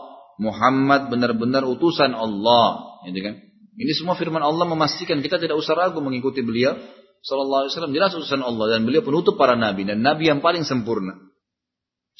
Al-Furqan ayat 1 Allah SWT berfirman A'udzu billahi minasyaitonir rajim. Tabarakalladzi nazzala al-furqana ala 'abdihi liyakuna lil 'alamin nadhira Maha suci Allah yang telah menurunkan Al-Furqan atau Al-Quran kepada hambanya agar dia menjadi pemberi peringatan kepada seluruh alam. Al-Ahzab ayat 40 Allah subhanahu wa ta'ala menjelaskan A'udhu billahi minasyaitonir rajim Ma kana Muhammadun aba ahdi min rijalikum walakin Rasulullah wa khataman nabiyyin wa kana Allah bikulli syai'in alima. Muhammad itu sekali-kali bukanlah bapak dari seseorang laki-laki di antara kalian atau di antara kamu, tapi dia adalah Rasulullah dan penutup nabi-nabi dan Allah Maha mengetahui segala sesuatunya. Ini ayat tadi yang saya katakan turun kepada Zaid bin Harithah pada saat diganti namanya karena dia lebih memilih Nabi SAW daripada ayahnya diganti Zaid bin Muhammad sampai turun ayat ini yang menjelaskan Nabi SAW bukan ayah ya seseorang laki-laki di antara kalian. Kemudian juga ya setelah itu sampai di sini dalil menjelaskan tentang Nabi SAW sekarang beliau masuk dalam masalah ya, e, mujizat Nabi SAW. Saya akan coba jelaskan beberapa contoh mujizat Nabi SAW. Mujizat Nabi SAW ini ada dua macam. Ada dua macam. Dua macam ini maksudnya ada yang sifatnya informasi, ada yang sifatnya mujizat yang kelihatan dengan mata kepala. Kan? Informasi itu seperti misalnya info tentang umat-umat sebelum kita. Kaum Lut, kaum Saleh, kaum Shu'aib, kaum Yusuf, semuanya. Ya, kaum Sulaiman, kaum Nabi Nabi Daud. Semua Nabi-Nabi kita itu kita tidak pernah hadir di situ. Tapi kita tahu ceritanya kan. Ada surah Hud, ada surah Yunus, ada surah Ibrahim. Ya, ada macam-macam surah Al-Quran, surah Anbiya menceritakan Nabi-Nabi. Jadi kita jadi tahu, itu mujizat Nabi SAW. Jadi kita jadi tahu. Ada informasi yang sedang terjadi di zaman Nabi SAW. Yang merupakan syariat. Hukum diperintahkannya sholat, diperintahkannya jihad, diperintahkannya uh, haji, Ramadan, puasa Ramadan, itu semua terjadi di zaman Nabi SAW masih hidup. Dan ada informasi yang akan terjadi nanti, tanda-tanda hari kiamat, bagaimana menghadapi kematian, malaikat maut pun cabut ruh dalam surah Al-Anfal, kemudian bagaimana nanti dibangkitkan di hari kiamat timbangan amal, Waman ya'mal mithqala dzarratin khairan yarah wa man ya'mal mithqala dzarratin syarran yarah. Siapa yang buat kebaikan ya sekecil apa pun dia akan lihat, siapa yang buat buat keburukan sekecil apa pun dia akan lihat. Kemudian juga tentang surga dan neraka ini semua mujizat Nabi SAW. Ini dalam bentuk informasi. Kalau dalam Al-Quran ada juga informasi dari Nabi SAW yang terjadi di zaman Nabi SAW atau terjadi akan datang yang akan saya berikan contoh ya e, pada kesempatan ini. Yang pertama adalah e, kisah atau saya angkat satu saja, melihat waktu ya. Kisah Nabi Shallallahu Alaihi Wasallam pernah menginformasikan tentang akan terbunuhnya Umayyah bin Khalaf. Umayyah bin Khalaf ini adalah salah satu tokoh Quraisy. Kalau anda tahu Bilal ya, ini tuannya Bilal yang dulu siksa Bilal radhiyallahu anhu. Umayyah bin Khalaf ini bersahabat dengan seorang sahabat Nabi yang bernama Sa'ad bin Mu'ad radhiyallahu anhu. Dari sebelum masuk Islam nih ceritanya. Jadi kalau Umayyah bin Khalaf ke Madinah jadi tamunya ya eh, apa siapa? Uh, uh, Sa'ad ya. Kalau saat saat ke Mekah jadi tamunya Umayyah bin Khalaf. Setelah masuk Islam pun masih bersahabat dua orang ini rupanya. Umayyah tetap menjaga hubungannya dengan Sa'ad bin Mu'ad. Satu waktu setelah hijrah semua muslimin ke Madinah dan permusuhan besar terjadi antara Mekah sama Madinah itu orang kafir dan orang-orang beriman pada saat itu ya. Maka Umayyah bin Khalaf ini sempat kedatangan Sa'ad dari Madinah dan Umayyah menyembunyikannya di rumahnya, tetap melayani gitu kan. Lalu saat berkata, "Wahai Umayyah, kalau Ka'bah sudah kosong, tolong beritahukan kepada saya. Tolong beritahukan kepada saya, gitu kan. Saya ingin tawaf." Maka Umayyah mengatakan, "Baiklah." Lalu Umayyah kumpul dengan orang-orang Quraisy di Darunda II. Setelah kumpul dengan orang-orang Quraisy di Darunda II, pada saat itu Kemudian malam hari, kalau kita sekarang ini seperti Isya, begitu sudah nggak ada orang di Ka'bah. Waktu itu ya, karena mereka nggak punya ibadah sholat, mereka cuma sembah-sembah berhala dan gelap pakai obor pada saat itu. Maka Umayyah pulang ke rumahnya lalu berkata kepada saat wahai saat Ka'bah sudah kosong, saatnya kamu tawaf. Dia pun jalan berdua, sama-sama ke Ka'bah. Baru mau tawaf, ternyata Abu Jahal datang. Abu Jahal ini dikenal di zaman jahiliyah, rajanya Mekah gitu kan, pada saat itu. Maka Abu Jahal berkata kepada Umayyah teman dekatnya, siapa di sebelahmu itu? Kata Umayyah, ini Sa'ad bin Mu'ad, pimpinan kaum uh, pimpinan kaum uh, Aus dari Madinah, gitu kan? Kepala sukunya Aus. Lalu Abu Jahal bilang, Hai Sa'ad, beraninya kau injakkan kakimu di Mekah. Sementara ada permusuhan antara kami dengan kalian. Demi Allah saya tidak akan izinkan kamu keluar sampai kau mati. Kata Sa'ad, dia pimpinan suku nggak biasa diancam. Dia juga bilang, Wahai Abu, wahai Abu Jahal, kau tidak akan bisa menyentuh. Kalau kau menyentuhku dan saya, saya tetap akan melawan. Sampai saya mati, kalaupun saya terbunuh, kaumku akan menyerang Mekah. Dan kau tahu bagaimana suku Aus di Mekah. Ya, di Madinah. Sangat kuat dengan peperangan gitu. Maka bertengkarlah dua orang ini. Umayyah bin Khalaf ini bingung. Siapa yang dia mau bela? Di sebelah kanannya saat orang muslim. Tapi sahabat dekatnya. Di sebelah kirinya juga sahabat dekatnya. Tapi orang kafir, orang Mekah. Lalu tiba-tiba jiwanya lebih cenderung dengan Abu Jahal. Dia mengatakan, wahai saat diamlah. Jangan kau bantah Abu Abu Hakam. Ya, waktu itu julukannya Abu Hakam bagi orang-orang kafir ya. Maksudnya orang yang bijaksana. Tapi Nabi SAW suruh kita memanggil dia dengan Abu Jahal. Orang yang bodoh. Gitu kan. Maka dia bilang, jangan kau angkat suaramu dari depannya Abu Hakam. Karena Abu Hakam ini adalah rajanya Mekah. Pemimpin lembah ini. Maka saat marah waktu itu. Kenapa kau tidak bela saya? Malah kau membela Abu Jahal kalau gitu putus hubungan kita. Dan ingatlah, ini saksi bahasan. Kata saat ingatlah wahai Umayyah, Nabi kami Muhammad wasallam telah menyampaikan kepada kami bahwasanya satu waktu kami akan membunuhmu nanti. Kami akan membunuhmu. Jadi Umayyah masih hidup, tapi Nabi sudah dapat wahyu, informasi terjadi akan datang nanti, Umayyah akan dibunuh gitu. Kan itu pada saat itu. Lalu Umayyah kaget. Dia bilang Muhammad bilang itu? Kata saat iya. Lalu saat Umayyah ini Sudah tidak tanya lagi, dia tidak bilang misalnya Muhammad bohong apa enggak, dia enggak bilang gitu, dia cuma bilang, apakah Muhammad sampaikan di mana saya dibunuh? Artinya dia juga percaya informasi itu. Dia tahu Muhammad SAW adalah Rasul. Itu kan? Jujur cuma ini kepala suku nggak mau masuk Islam. Maka akhirnya pada saat itu jemaah sekalian, Umayyah bin Khalaf pun berkata, di mana saya akan dibunuh? Kata saya tidak tahu. Lalu Umayyah pun meninggalkan keduanya lalu menuju ke rumahnya sambil berkata waktu dia jalan didengar oleh beberapa orang yang akhirnya jadi sahabat setelah itu. Dia berkata sambil jalan demi Allah Muhammad gak pernah bohong. Tiba di rumahnya dia bilang sama istrinya, wahai istriku, apakah kau tahu apa yang dikatakan saat kepada saya? Kata istrinya tidak. Saat berkata Muhammad bilang mereka akan membunuhku nanti. Kata istrinya Muhammad demi Allah gak pernah bohong. Apakah dikasih tahu di mana kau dibunuh? Dia bilang tidak. Kapan? Tidak tahu. Lalu Umayyah bilang, tapi saya janji padamu istriku saya tidak akan keluar. Saya tidak akan keluar dari Mekah. Kita tutup dengan ini ya, karena sudah masuk waktu. Baik, ini ini tinggi saya sayang kalau dipotong gitu ya. Insya Allah bisa langsung azan. Sudah tinggal sedikit lagi. Lalu kata istrinya, kata Umayyah, saya tidak akan keluar dari Mekah. Saya akan tetap di Mekah. Ya, saya tidak akan keluar.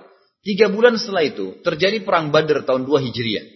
Di perang Badar ini kebetulan penyebabnya adalah ada karavan, ada kafilah waktu itu. Kafilah ini paling banyak harta waktu itu miliknya Abu Jahal dengan Umayyah bin Khalaf. Kan gitu. Diserang oleh Nabi SAW dengan 314 orang, gitu kan.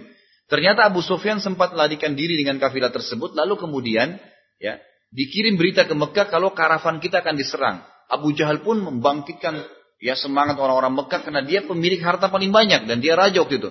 Ayo kita selamatkan karavan kita nih. Kalau enggak maka kita akan uh, kehilangan harta. Maka orang semua siap-siap waktu itu terkumpul kurang lebih 700 pasukan. Ya. Ada satu toko Quraisy yang tidak berdiri. Itulah Umayyah bin Khalaf duduk depan Ka'bah sama sukunya 300 orang. Enggak ada yang mau berdiri. Kata Abu Jahal, kenapa kau tidak berdiri wahai Umayyah? Hartamu kan juga ada di situ. Kata Umayyah, wahai Abu Jahal, apa wahai Abu Hakam, apa kau lupa apa yang saat bilang, Muhammad sudah informasikan mereka akan bunuh saya. Kata Abu Jahal itu bohong semua. Kenapa kau percaya? Kata dia saya tidak mau keluar pokoknya. Saya takut dibunuh nanti sama Muhammad. Gitu kan? Maka yang terjadi jemaah sekalian, Abu Jahal ini licik dia datang ke rumahnya diambillah dupa yang waktu itu terkenal dupa itu khusus untuk anak perempuan, khusus untuk perempuan baunya. Jadi ada bau itu kalau dicium ini bau perempuan, malu kalau laki-laki pakai gitu. Dibakar sama Abu Jahal, dibawa dengan apa e, pembakarannya ke dekat Ka'bah lalu dikatakan kepada Umayyah, "Hai Umayyah, tatayyab, pakai ini." Kata Umayyah, "Kenapa bukan saya minyak wangi perempuan?" Ya, kata Abu Jahal, "Kau kan perempuan, nggak mau perang." Nah, karena dia marah ditepis sama dia, dupa itu, ya kemudian dia berdiri, dia langsung saya akan keluar. Dia pulang ke rumah, dia bilang sama istrinya, "Istriku, siapkan baju perang." Kata istrinya, "Bukankah kau sudah dikatakan oleh saat Muhammad mengatakan mereka akan membunuhmu?" Dia bilang, "Saya dipermalukan sama Abu Hakam."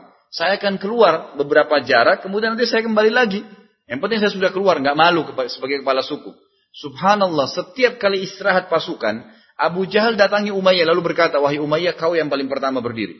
Terus didampingi sampai tiba di Badar dan akhirnya Umayyah bin Khalaf terbunuh di tangannya Bilal, budak yang dulu dia siksa di Mekah di perang Badar dan seperti yang Nabi SAW telah sampaikan dan ini mujizat Nabi SAW dalam bentuk informasi.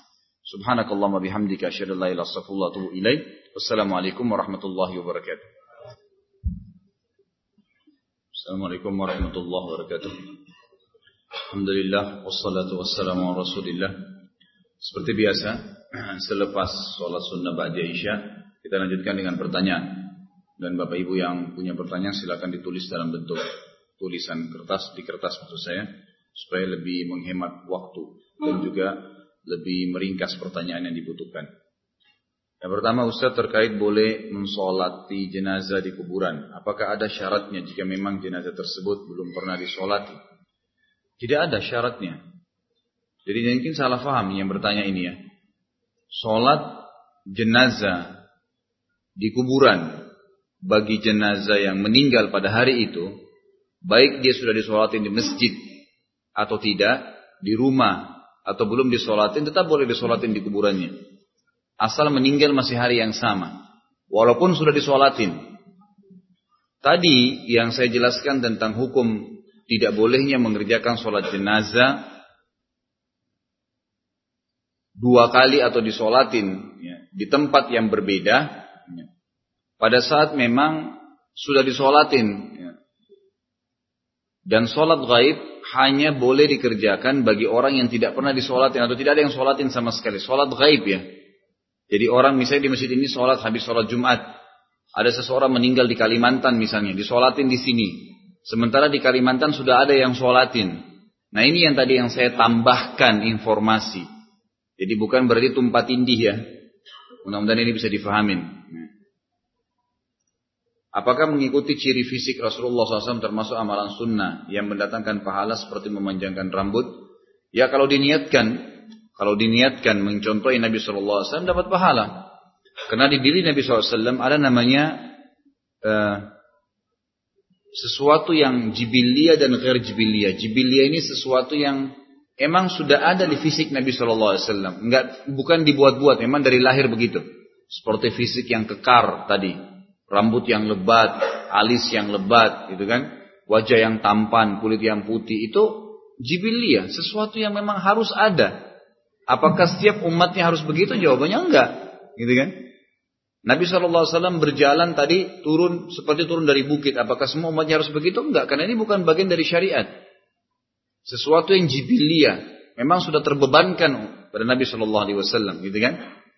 Jadi lahir di Mekah misalnya, gitu kan. Itu termasuk memang sudah begitu. Tidak mungkin semua umatnya lahir di Mekah. Gitu kan. Jadi seperti itu memahami. Ini namanya jibilia. Ada yang gair jibilia, sesuatu yang tidak terbebankan, gitu kan. Tidak terbawa, tapi Nabi Shallallahu Alaihi Wasallam melakukannya. Cuma bukan juga bagian dari syariat. Seperti misalnya Nabi Shallallahu Alaihi Wasallam menggunakan imamah, menggunakan imamah. Itu bukan bukan keharusan sebenarnya, tetapi pada zaman itu imamah dipakai memang oleh orang-orang Arab.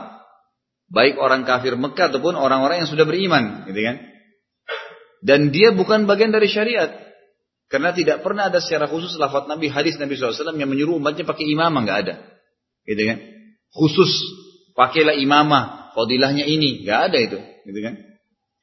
Nah, Nabi SAW menggunakan imamah karena pada saat itu tradisi dan tidak masuk dalam syariat Allah, maka ghair jibiliyah, tidak dipaksakan kepada Nabi SAW dan juga tidak bagi umatnya. Tapi kalau ada umatnya, ya, Nabi Muhammad umat, umat, umat Nabi Muhammad SAW yang mau pakai imamah, karena Nabi dulu pakai imamah dibolehkan saja oleh para ulama. Tapi jangan dianggap bagian dari syariat.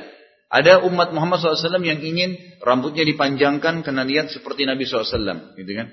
Asal niatnya begitu nggak ada masalah, gitu kan? Kecuali kalau sesuatu yang sifatnya dalam jibiliahnya Nabi, gitu kan? Itu memang dimasukkan dalam syarat seperti pelihara jenggot misalnya. Karena Nabi SAW lebat jenggotnya sampai di dada, gitu kan?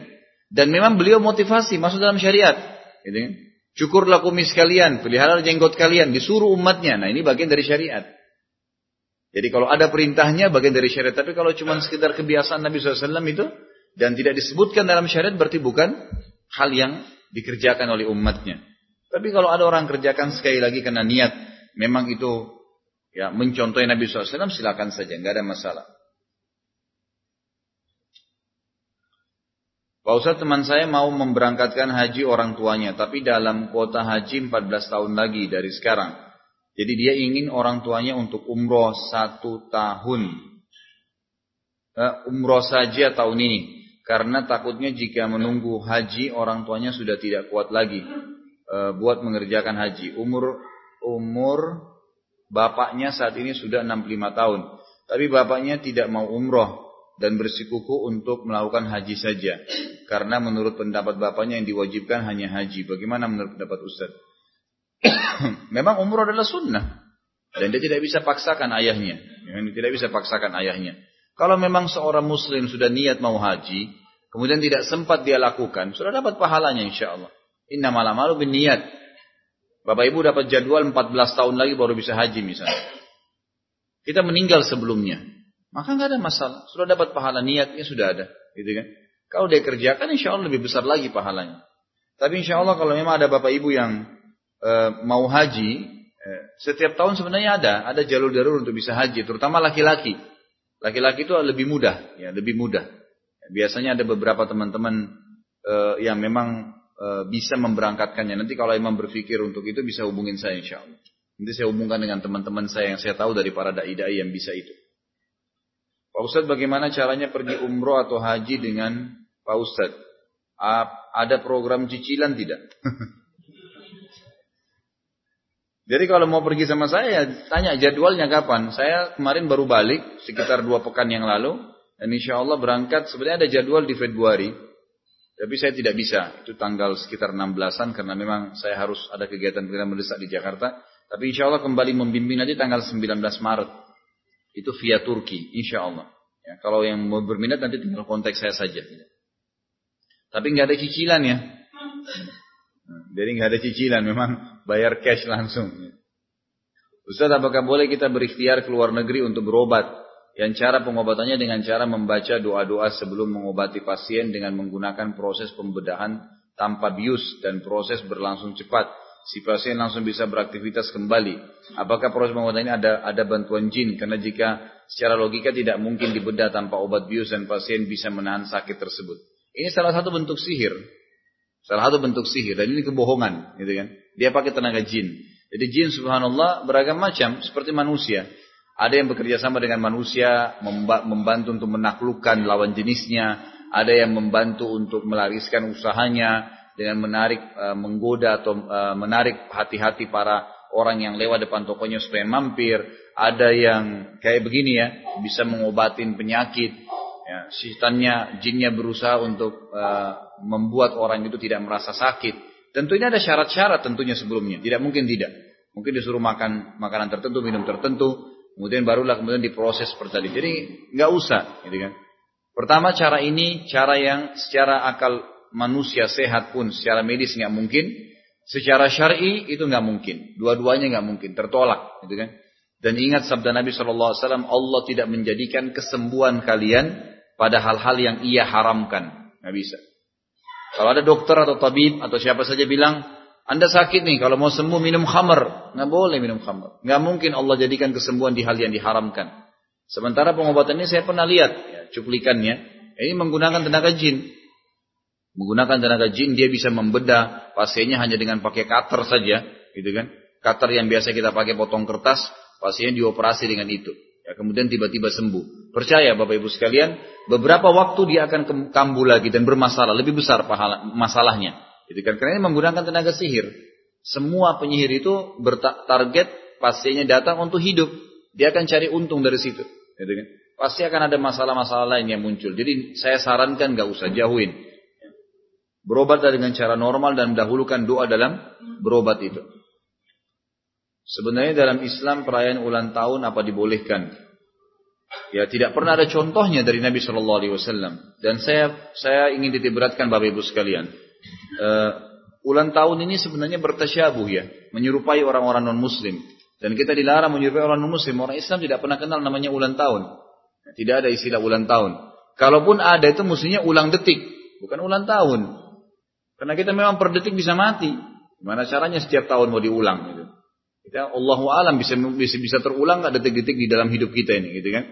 Tapi itu tidak pernah ada. Nabi SAW tidak pernah merayakan hari lahirnya, tidak pernah sahabat-sahabat, tidak pernah tabiin. Dan bagi orang Islam tidak perlu merayakan hari ulang tahun, apalagi mereka ikut-ikutan orang kafir niup lilin lah, potong kue lah, dan segala macam nyanyi-nyanyi, disuruh minta berdoa pada saat itu, dianggap pada bintang jatuh, dan beragam macam keyakinan yang khurafat. Orang Islam itu orang cerdas, nggak butuh gitu-gitu, nggak usah, gitu kan? Dan berbahaya kalau anda biasakan anak anda, nanti akan jadi kebiasaan itu. Nanti tahun depan ditagi lagi, tahun depan ditagi lagi. Tidak perlu, ya, gak usah. Sudah saya cuma doakan diri saya di hari milad saya. Berdoa tiap hari, ada apa tunggu milad? Tiap hari anda mendoakan diri anda, ngapain tunggu milad? Ini tradisi orang muslim dan kata Nabi SAW, Man tasyabaha biqaumin, bahwa minhum. Siapa yang menyerupai satu kaum, maka dia termasuk golongan dari kaum itu. Maka sebaiknya jauhi. Gak usah. Dan bapak ibu tanya begini, kalau setiap ada pelanggaran syar'i seperti ini, tidak ada contohnya. Anda tanya begini, kalau saya tidak lakukan kenapa? Kalau tidak ulang tahun kenapa? Matanya tercabut? Tangannya putus? Nggak ada apa-apa. Nggak usah dikerjakan, gitu kan? Mohon maaf yang bertanya, jangan tersinggung ya. Saya bukan menghardik, bukan. Saya cuma coba memberikan wacana supaya jangan kita keluar dari koridor syariat kita. Karena agama sudah menuntun kita. Tidak ada satupun yang dibutuhkan dalam agama ini, dalam kehidupan ini kecuali agama sudah jelaskan. Jadi sudah semua. Yang berbahaya karena ulang tahun itu menyerupai kaum kafir. Jelas-jelas dari orang Nasrani itu. Itu kan eh, orang Islam ikut-ikutan semuanya. Dan ini tidak boleh. Ini tidak boleh. Saya sempat kaget waktu bimbing haji waktu itu. Kalau tidak salah tiga tahun yang lalu ya. Kemudian pas lagi di hotel kalau nggak salah di Mekah. Udah selesai hari Arafah kalau nggak selesai haji kalau nggak salah waktu itu. Tiba-tiba di meja makan, jemaah haji kita dari Indonesia gitu. Datangin satu meja tiba-tiba satu satu rombongan sama dia terus langsung nyanyi happy birthday gitu. Di Mekah selesai haji gitu. Ini luar biasa ini. Dan bukan cuma jemaah haji, kebetulan di hotel itu ada orang Pakistan, ada orang dari semua kaget bingung lihat kita kok orang Islam nyanyi happy birthday di Mekah lagi habis haji gitu kan. Nah dianggap itu sesuatu yang biasa bagi mereka. Ya, sebenarnya tidak boleh, ya, tidak boleh. Ya, sebaiknya jangan, dijauhi saja. Ustaz kalau kita mau menikah dengan lelaki yang sudah mempunyai istri karena alasan istri pertama dan ibunya tidak cocok. Menurut agama bagaimana kalau saya menerima pinangannya? baik atau buruk. Sedangkan ibunya sangat suka kepada saya, tapi anak lakinya apa ini? E, masih mempunyai istri yang sah. Tidak ada masalah. Orang poligami begitu. Poligami laki-laki memiliki satu e, poligami memiliki istri dua sampai empat orang maksimal. Itu nggak ada masalah. Anda terima pinangannya. Jadi secara individu, secara individu, gitu kan? Bagaimana anda istikharah kepada Allah, anda tenang, anda terima lamarannya. Tidak ada hubungannya sebenarnya dengan istri pertama ya. Jadi perlu diketahui dalam di Indonesia ini diterapkan sebuah hukum kalau mau poligami harus izin dengan istri pertama. Ini nggak ada dalam syariat. Dari mana mau izin dengan? Masa orang mau ibadah izin sama istri?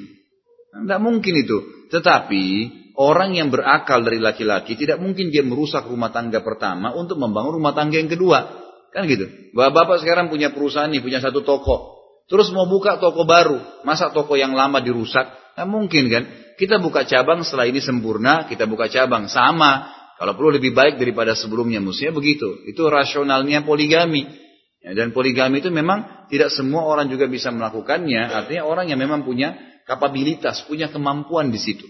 Subhanallah, poligami ini kata ulama akan terbuka pintunya bagi orang-orang yang sudah sukses dalam rumah tangganya. Kalau dia jalan di rumah tangganya, dia kan kewajiban dia sama-sama mendirikan dirinya dengan istrinya dalam agama, insya Allah akan terbuka dengan sendirinya itu. Dan siapa yang poligami niatnya karena bangga-banggaan, karena apa namanya hanya sekedar untuk dipuji orang atau apalah target cuma syahwat saja semata, maka tidak akan berhasil rumah tangganya, nggak bisa. Rumah tangganya pasti kacau, nanti ribut, nanti begini, nanti cerai. Tapi poligami niatnya karena menjalankan sunnah Nabi SAW itu diberkahi oleh Allah. Insya Allah akan diberkahin tuh. Ya. Seperti itulah. Jadi saya sarankan uh, ukhti yang bertanya ini istikharah kepada Allah SWT. Minta sama Allah dua rakaat petunjuk agar Allah berikan. Kalau hati anda tenang, terima lamarannya. Dan bismillah menikah. Kemudian anda coba berbaur dengan istri. Yang pertama untuk bisa menjadi saudari muslimah, membangun ukhuwah sama-sama gitu kan. Itu insya Allah akan bisa. Dan berdoalah kepada Allah Subhanahu Wa Taala agar Allah menjadikan anda sebagai suri tauladan, menjadi contoh dan bukan poligami-poligami yang tidak sehat seperti banyak di masyarakat kita. Banyak laki-laki yang egois mengatakan, saya kan boleh nikah, mau tidak mau pokoknya saya harus nikah. Bukan begitu, gitu kan? Mesti dia juga bisa ya meletakkan, memposisikan ya, memilih waktu yang tepat, keadaan yang tepat, gitu kan, kebutuhan yang tepat, semua harus dipertemukan. Dan juga istrinya harus bisa memahami memang Allah memerintahkan suaminya begitu. Dia nggak boleh menahan itu, melarang, gitu kan. Maka dia harus juga bisa memberikan pemahaman, memberikan persiapan dirinya untuk bisa menerima hukum Allah Subhanahu wa taala. Bagaimana hukum bila ada seorang laki-laki yang melarang wanita bukan istrinya melakukan atau mendatangi kajian, padahal belum ada ikatan pernikahan? Boleh sama sekali. Apa hubungannya gitu? Ya. Ini kalau bahasa kasarnya pacarnya yang larang, nggak boleh. Apa hubungannya gitu? Nggak ada hubungannya. Bagaimana caranya orang yang bukan suami atau bukan ayah kemudian melarang seorang muslim itu ikut kajian? Yang jauh usah didengar, nggak mungkin itu. Apakah boleh wanita yang sedang haid memasuki masjid dan maksud, dengan maksud mendengarkan kajian? Ini khilaf di antara ulama sebenarnya. Ada pendapat yang mengatakan mutlak tidak boleh haid, nifas, junub masuk di masjid. Haid, nifas dan junub mutlak nggak boleh masuk masjid. Ya, itu sebagaimana disebutkan dalam hadis rumah Allah itu suci gitu kan? Allah itu suci tidak terima kecuali yang suci. Ulama ambil daripada hadis ini tidak bolehnya tempat ibadah Allah SWT suci itu untuk dimasukin untuk oleh orang-orang yang najis gitu kan? Itu kan dianggap najis. Waktu orang Badui kencing di masjid, lalu Nabi SAW ingatkan, ini rumah Allah tidak layak perilaku seperti ini. Maka dilarang gitu kan. Jadi kencing, ya, haid, nifas, semua itu adalah satu satu kotoran, nggak boleh najis kan gitu. Nggak boleh sholat sementara itu kan, berarti tidak boleh juga menyentuh tempat sholat. Orang haid, nifas dan junub tidak boleh sholat kan? Kalau dia tetap sholat berdosa nggak boleh. Gitu.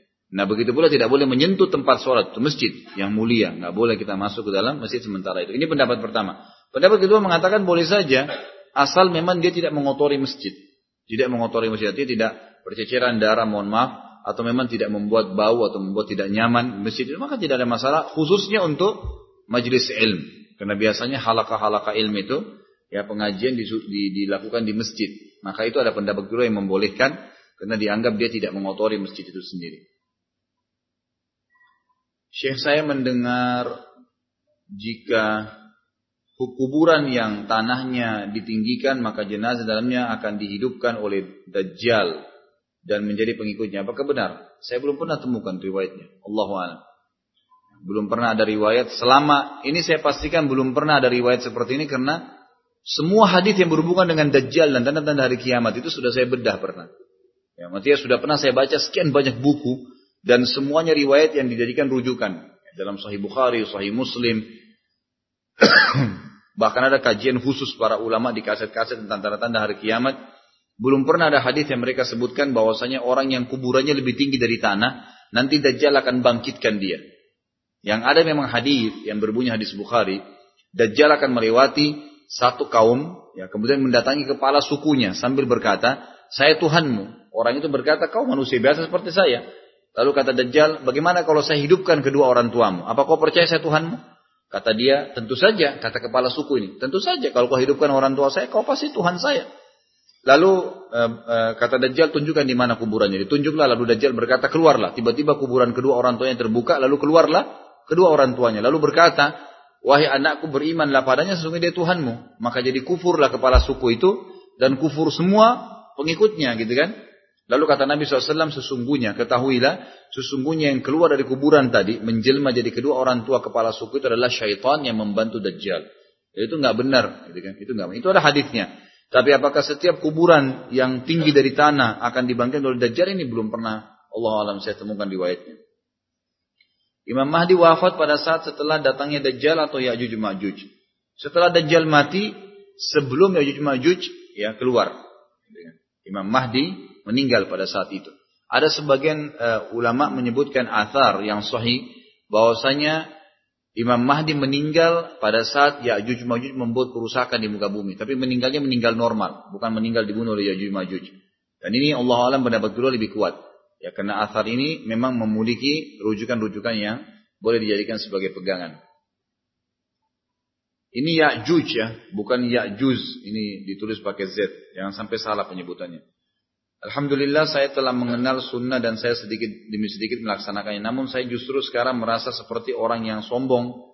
Saya menganggap orang yang tidak menjalankan sunnah adalah orang bodoh. Saya khawatir sifat ini akan menjerumuskan saya Ya, mohon petunjuknya Ustaz. Tentu ini bertolak belakang dengan sunnah Nabi SAW.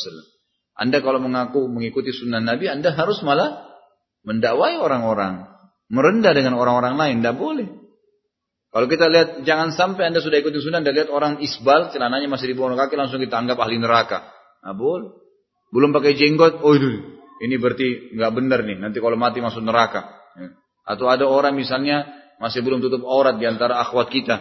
Lalu kita sudah pakai jilbab, apalagi pakai cadar, lalu menganggap, ih orang itu nggak pakai jilbab ya. Memang mungkin belum dapat hidayah. Kan gitu. Bayangkan kalau seluruh muka bumi ini semua sudah dapat hidayah. Anda mau dapat pahala dakwah dari mana?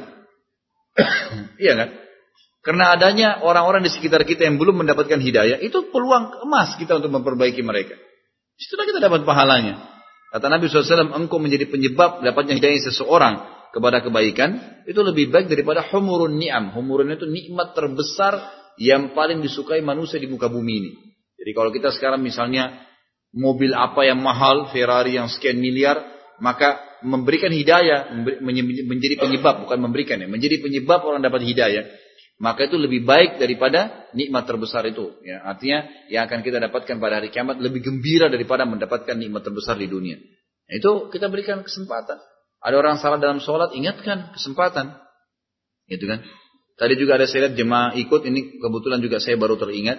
Tadi ada saya lihat yang salam, pada saat di e, selesai pas saya salam subhanallah, saya balik ke kanan, terus saya balik ke kiri, saya lihat di sebelah saya itu ada jemaah yang salam, bukan di sebelah saya, di saf kedua waktu itu ya, tadi. Kemudian dia waktu salam membuka telapak tangannya. Ini sekaligus saya ingatkan, ini tidak pernah ada sunnahnya ya. Ini tidak ada sunnahnya. Jadi Nabi SAW pada saat salam meletakkan telapak tangannya kanan di atas paha kanan, kiri di atas tangan kiri dan paha kiri dan merapatkannya lalu salam tanpa membukanya. Nah ini ada pernah saya tanya seseorang, kenapa dibuka? Dia bilang ini membuka pintu rezeki. Kalau kanan, yang kiri ini menolak balak. Ya. Ini semua di karang-karang. Ya. Ini luar biasa. Kita di Indonesia ini ahli karang-karang. Gitu. Ya. Kalau suara ngarang ini, waduh luar biasa. Paling banyak. Ya. ya semoga Allah berikan hidayah. Mestinya tidak boleh. Kita sudah punya syariat lengkap. Gitu kan? Sudah jelas syariat Allah subhanahu wa ta'ala. Jadi saya sarankan kalau anda mengikuti sunnah Nabi Shallallahu Alaihi Wasallam, anda harus justru ya menjadi contoh dalam sunnah itu. Lebih banyak senyum dengan orang, memang begitu. Jangan sudah jenggotan mulutnya nggak pernah senyum, seperti monster yang lewat gitu kan. Tidak boleh. Senyum dengan orang. Assalamualaikum, salam, sapa orang, jenguk kalau sakit. Jalankan sunnah Nabi SAW. Jangan setengah-setengah. Itu was-was syaitan yang harus dilawan. Nggak boleh. Nggak boleh. Salaman dengan semua orang. Tegur. Sapa. Berikan nasihat. Luruskan. Mereka belum dapat hidayah. Berikan ya, kesempatan itu. Yang dimaksud dengan 70 ribu orang yang masuk surga tanpa hisab itu umat Rasulullah Muhammad SAW saja atau termasuk umat lainnya. yang lebih kuat adalah 70 ribu dari umat Muhammad SAW. Karena Nabi SAW mengatakan apa? Akan masuk di surga dari umatku. 70 ribu tanpa hisab. Gitu kan? Maka para sahabat mengatakan ya Rasulullah.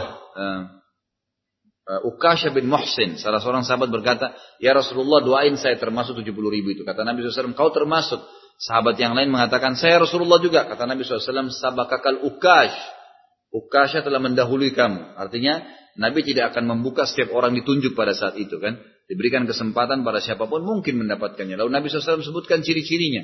Mereka yang tidak bertato, mereka yang tidak bertatayur, menggantungkan nasib pada benda, pernah saya pernah saya jelaskan tatayur itu seperti tangan kanannya gatal mau keluar duit, tangan kiri gatal mau dapat duit, matanya kedap-kedip di atas mau senang, yang di bawah mau sedih.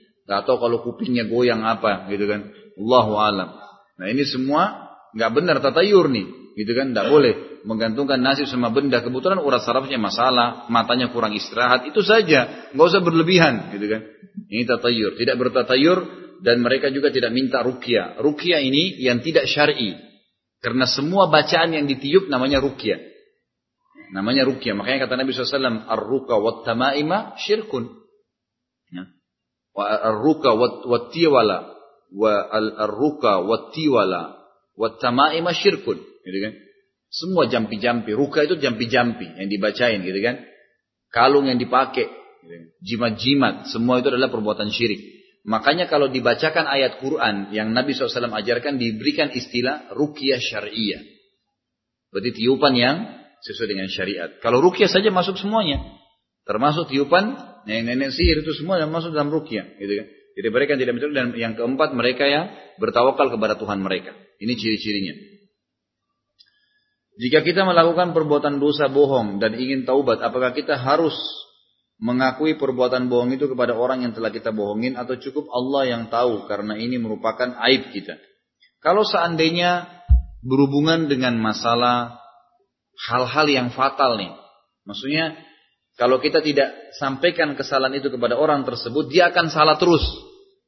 Karena kebohongan kita. Dia akan tertolimi terus. Maka ulama mengatakan harus diakuin, disampaikan di depan dia. Maaf, saya pernah bohongin kamu masalah ini. Tapi kalau sesuatu itu tidak berbahaya bagi dia, artinya mungkin pernah kita bercanda sama teman, gitu kan? Sendalnya disembunyi, misal. Ditanya, kamu sembunyikan sendal saya? Kita bilang enggak, bohong kan? Tapi tidak berbahaya buat dia. Kita ketawa-ketawain, setelah itu sendalnya dikembalikan. Kan pernah bohong. Ini enggak ada efek madarat yang besar ke dia. Tapi kalau kita bohongin dia di hartanya, di bisnisnya, di keluarganya, nah ini nggak boleh, harus disampaikan. Maaf ya, saya pernah bohong begini dan saya sudah taubat kepada Allah. Ini hak kamu saya kembalikan. Kembalikan haknya, gitu kan? Jadi seperti itu. Apa yang dimaksud dengan tabarruk? Tabarruk itu diambil dari kata-kata barakah, meminta berkah. Tabarruk namanya, gitu kan? Tabarruk itu mengambil berkah. Tabarruk ini dibolehkan kepada Nabi untuk kepada Nabi Shallallahu Alaihi Wasallam. Kepada Nabi Shallallahu Alaihi Wasallam. Jadi misalnya sahabat itu kalau Nabi SAW selesai minum diminum airnya. Nabi SAW habis udu, airnya diambil oleh para sahabat. Pernah Ummu Hani mengambil keringat Nabi SAW. Tapi ini khusus untuk Nabi. Jangan semua orang. Diambil keringatnya di Indonesia ini kalau sudah kiai atau ustadz, bekas minumnya diperebutkan. Gitu kan. Malah ada juga orang yang tidak ber, tidak bertakwa sama Allah, ya dia sekalian tunggangin, dia hidup dari situ dengan istilah nama apalah, kiai, ustadz lah, habib lah dan seterusnya. Ini malah ditunggangin. Surbannya sudah dipakai dilelang, nih sudah dipakai nih, surbannya berkah, barakah, gitu kan, tabarruk gitu kan. Ya. Ini berkah ini dijual 25 juta, surbannya cuma 10 ribu harganya gitu kan. Nggak boleh haram ini, uang haram dimakan, nggak boleh. Jadi tabarruk itu dibolehkan ulama mengatakan dengan ya uh, kepada Nabi SAW kalau orang, kalau orang ya. Juga boleh tabarruk kepada orang tua. Seperti misalnya kita mendapat mencari berkah dari bakti kepadanya. Itu boleh. Selama orang tua kita masih hidup kan. Jadi orang tua kita suruh apa, kita mencari berkah lah karena disuruh belanja. Mudah-mudahan malah usaha saya diberkahi karena bakti sama orang tua itu tidak masalah. Atau bertabaruk dengan umumnya orang-orang yang masih hidup, yang soleh, yang soleh, tapi masih hidup ya. Misalnya kita datang kepada seorang syekh, seorang alim mengatakan tolong doakan saya, tapi masih hidup. Kalau sudah mati nggak boleh. Kalau sudah mati sebenarnya nggak boleh, sudah nggak boleh lagi. Makanya Nabi, eh, makanya Umar bin Khattab dalam hadis Bukhari di zaman khilafahnya beliau dikenal dengan Amu Ramada, eh, musim peceklik, panas sekali. Ya, orang semua susah makan, minum susah pada saat itu. Maka Umar bin Khattab melakukan sholat istisqa, minta turun hujan. Lalu beliau setelah sholat balik menghadap ke jamaah waktu itu muslimin di Madinah. Kemudian beliau berkata, Ya Allah, sungguh ya, dulu sebelum eh, dulu waktu Nabi kami masih hidup, kami selalu menjadikan Nabi kami perantara antara kami dengan engkau agar engkau ya mengijabah hajat kami. Dan sekarang Nabi kami sudah mati, maka ini kami datangkan pamannya Abbas, pamannya Nabi. Yang ini kan? Maka terimalah doanya terimalah doanya, gitu kan? Jadi seperti itu.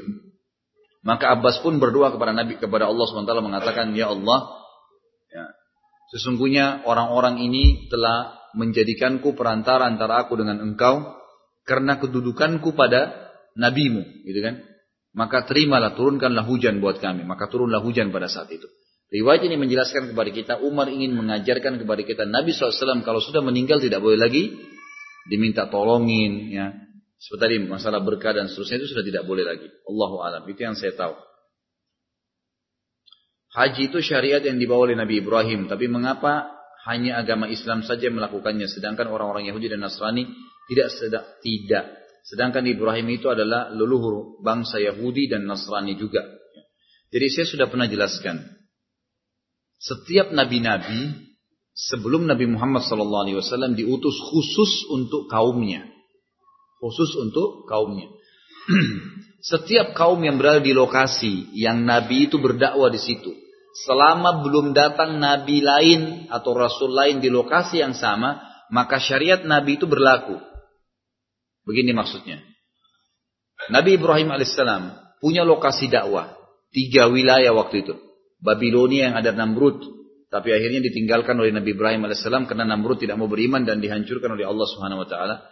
Kemudian pindah ke Palestina. Kemudian juga Mekah. Jadi wilayah dakwanya Nabi Ibrahim tiga, gitu kan?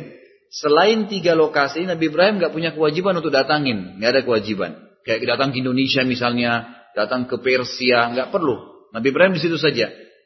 Waktu Nabi Ibrahim alaihissalam diberikan oleh Allah wilayah berdakwah di Palestina, di sebelah Palestina itu ada negeri namanya Jordania. Jordania ini itu wilayah kaum Lut yang disiksa oleh Allah SWT homoseksual. Di situ ada Nabi Lut. Nabi Lut ini siapa? Ponakannya Nabi Ibrahim alaihissalam. Jadi cuma perbatasan saja. Masyarakat Palestina waktu itu tidak punya kewajiban datang ke Yordania beriman pada risalahnya Nabi, maksudnya mengikuti syariatnya Nabi Lut, gitu kan? Lut alaihissalam, Nabi Lut, pengikut Nabi Lut tidak perlu juga mengikuti Ibrahim alaihissalam. Tapi mereka wajib mengimani keberadaannya. Oh iya ada Nabi Ibrahim di sana. Oh ada Nabi Lut di sana. Tapi tidak wajib untuk mendatangi wilayah dan beriman pada mereka. Gitu kan? Orang-orang Yahudi sekarang, itu mereka ya, diikuti, eh, mengikuti Nabi Musa alaihissalam. Nabi Musa punya lokasi dakwah. Gitu kan? Mesir dan Palestina. Dua wilayah dakwah ini. Nah pada saat Nabi Musa alaihissalam syariat datang, syariat Nabi Ibrahim di Palestina dihapus dengan datangnya Taurat. Tapi Nabi Musa tidak punya kewajiban masuk ke Mekah. Ya. Sementara Mekah termasuk lokasi dakwahnya Nabi Ibrahim alaihissalam dan waktu itu syariat haji adanya di Mekah, gitu kan? Adanya di Mekah. Maka orang-orang Yahudi tidak punya kewajiban untuk melakukan haji karena tidak masuk dalam syariat Musa alaihissalam. Tidak masuk dalam syariat Nabi Musa alaihissalam, gitu kan? Tapi kalau mereka ingin mengerjakannya ya, pada saat itu karena menganggap Ibrahim alaihissalam pernah kerjakan itu umum-umum saja. Makanya Rabi'atu bin Nasr, salah satu raja Yaman dulu yang masuk agama Yahudi, itu sempat beriman dengan uh, Allah SWT mengikuti risalah Musa AS dari dari dua pendeta Yahudi di, di, di Madinah. Kemudian waktu lewatin kota Mekah ingin pulang ke Yaman, sempat ada satu suku satu suku namanya suku Huzail membenci ya uh, orang Yaman dan membenci masyarakat Madinah. Maka dia bilang kepada Rabi'atu bin Nasr, di sini nih ada bukan bukan Tabban As'ad namanya, bukan Rabi'atu bin Nasr, Tabban As'ad raja ini. Huzail ini mengatakan kepada Taban As'ad yang sedang membawa dua pendeta Yahudi dari Madinah menuju ke Yaman, wahai raja, karena suku Huzail ini benci orang Yaman, benci orang Madinah, orang Mekah. Dia bilang, Anda mau nggak? Ya, Anda mau nggak mendapatkan harta gampang sekali, banyak, tidak perlu perlawanan. Kata kata si Taban As'ad tentu saja, saya mau. Ya, saya mau. Kata mereka dalam di sini di kota ini Mekah ada sebuah rumah yang rumah itu banyak sekali harta di, di bawahnya. Memang orang-orang Mekah dulu, karena menghormati Ka'bah mereka banyak mengubur emas-emas, patung e, apalah dari emas ditanam di bawah Ka'bah gitu kan. Mereka begitu. Bongkar rumah itu Anda akan dapat. Begitu dia sudah susun pasukannya, pendeta Yahudi yang dua orang ini ikut sama Taban As'ad yang mengajak dia masuk agama Yahudi berkata, kalau Anda mau ke mana wahai Taban? Dia bilang, saya masuk ke Mekah, mau menghancurkan rumah yang katanya banyak hartanya. Kata dua pendeta Yahudi ini, demi Allah, ya, suku Huzail yang menuntun Anda tadi ke situ itu, itu cuma mau menghancurkan Anda. Kami tidak tahu rumahnya Allah di muka bumi, ya kecuali ini, nggak ada yang lain. Ini rumahnya Allah. Orang Yahudi pun mengakui itu.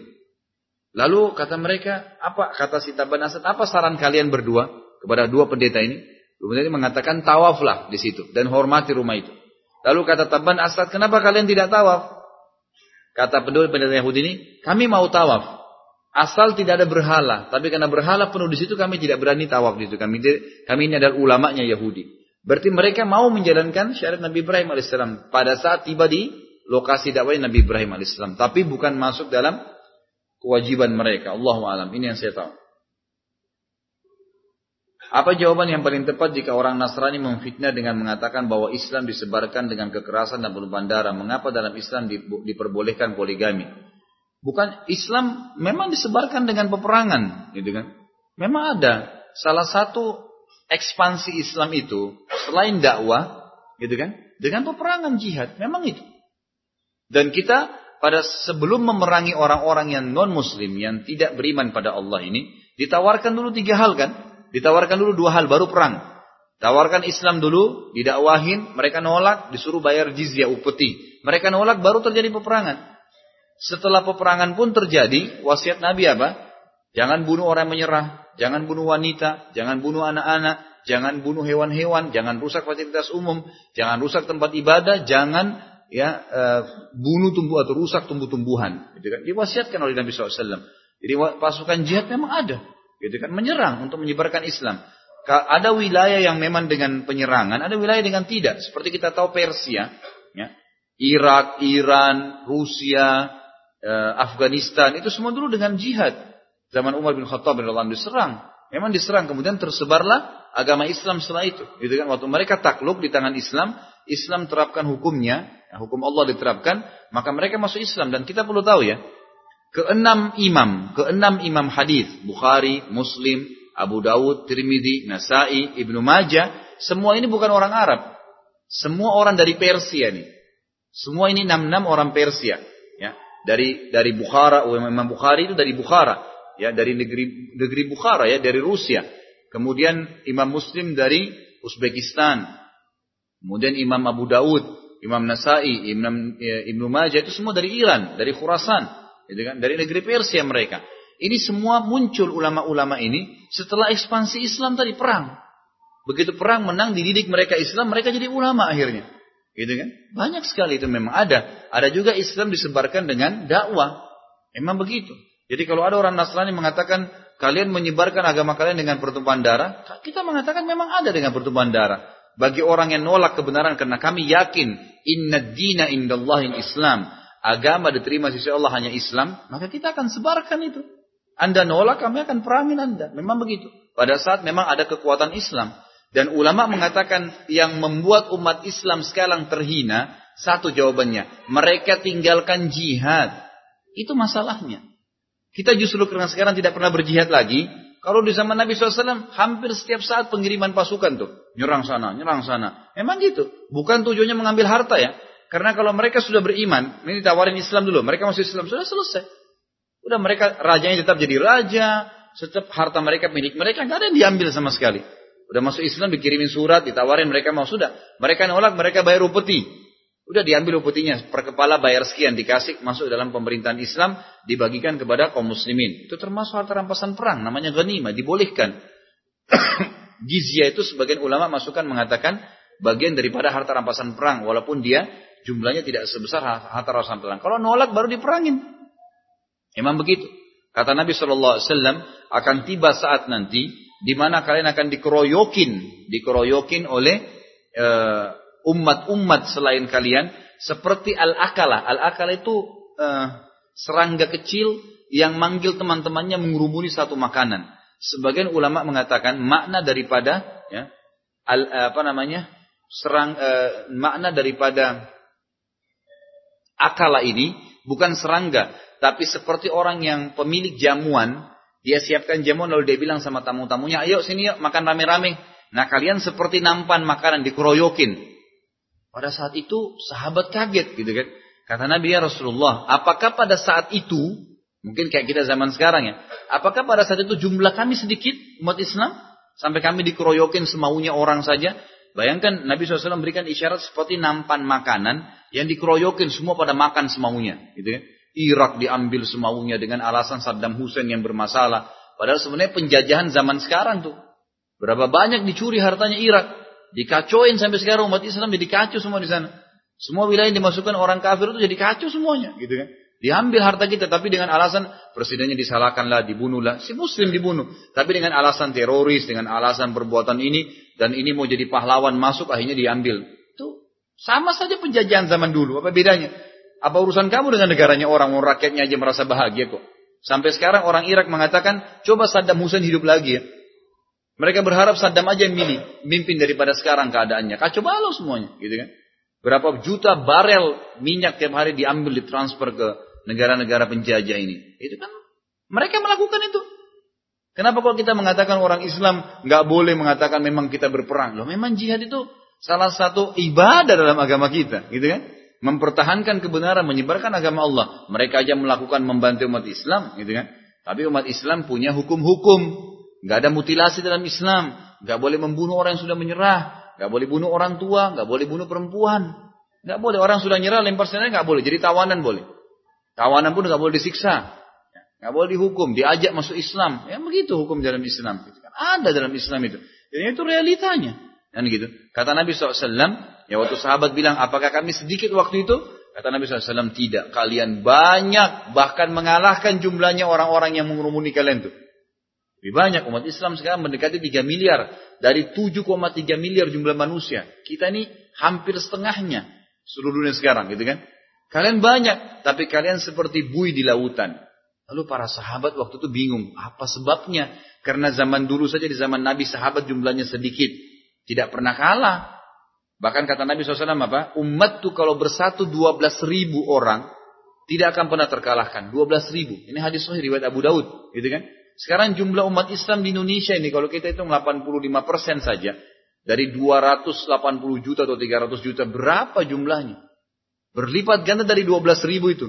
Kata Nabi kalau berkumpul 12 ribu umatku menjadi pasukan atau prajurit perang, itu tidak akan terkalahkan.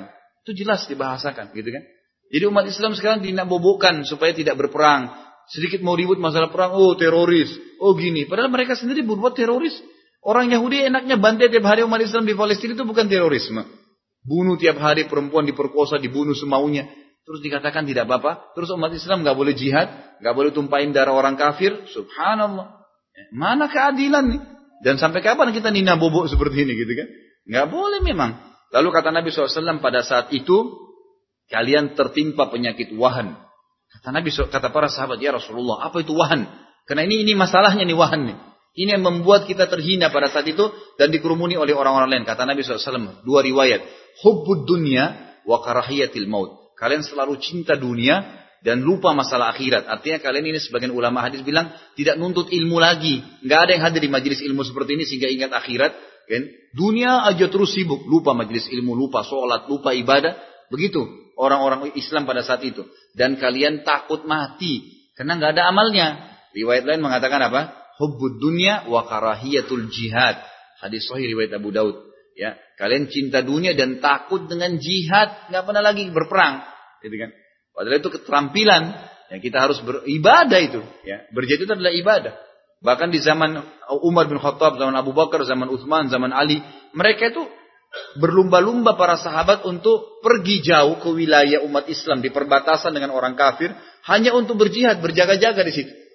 Karena kata Nabi Shallallahu Alaihi Wasallam, ribatu yoman fisabilillah khairu minat dunia ma fiha. Satu hari berjaga-jaga di perbatasan antara orang Islam dengan orang kafir sehari saja lebih baik daripada dunia dan seluruh isinya.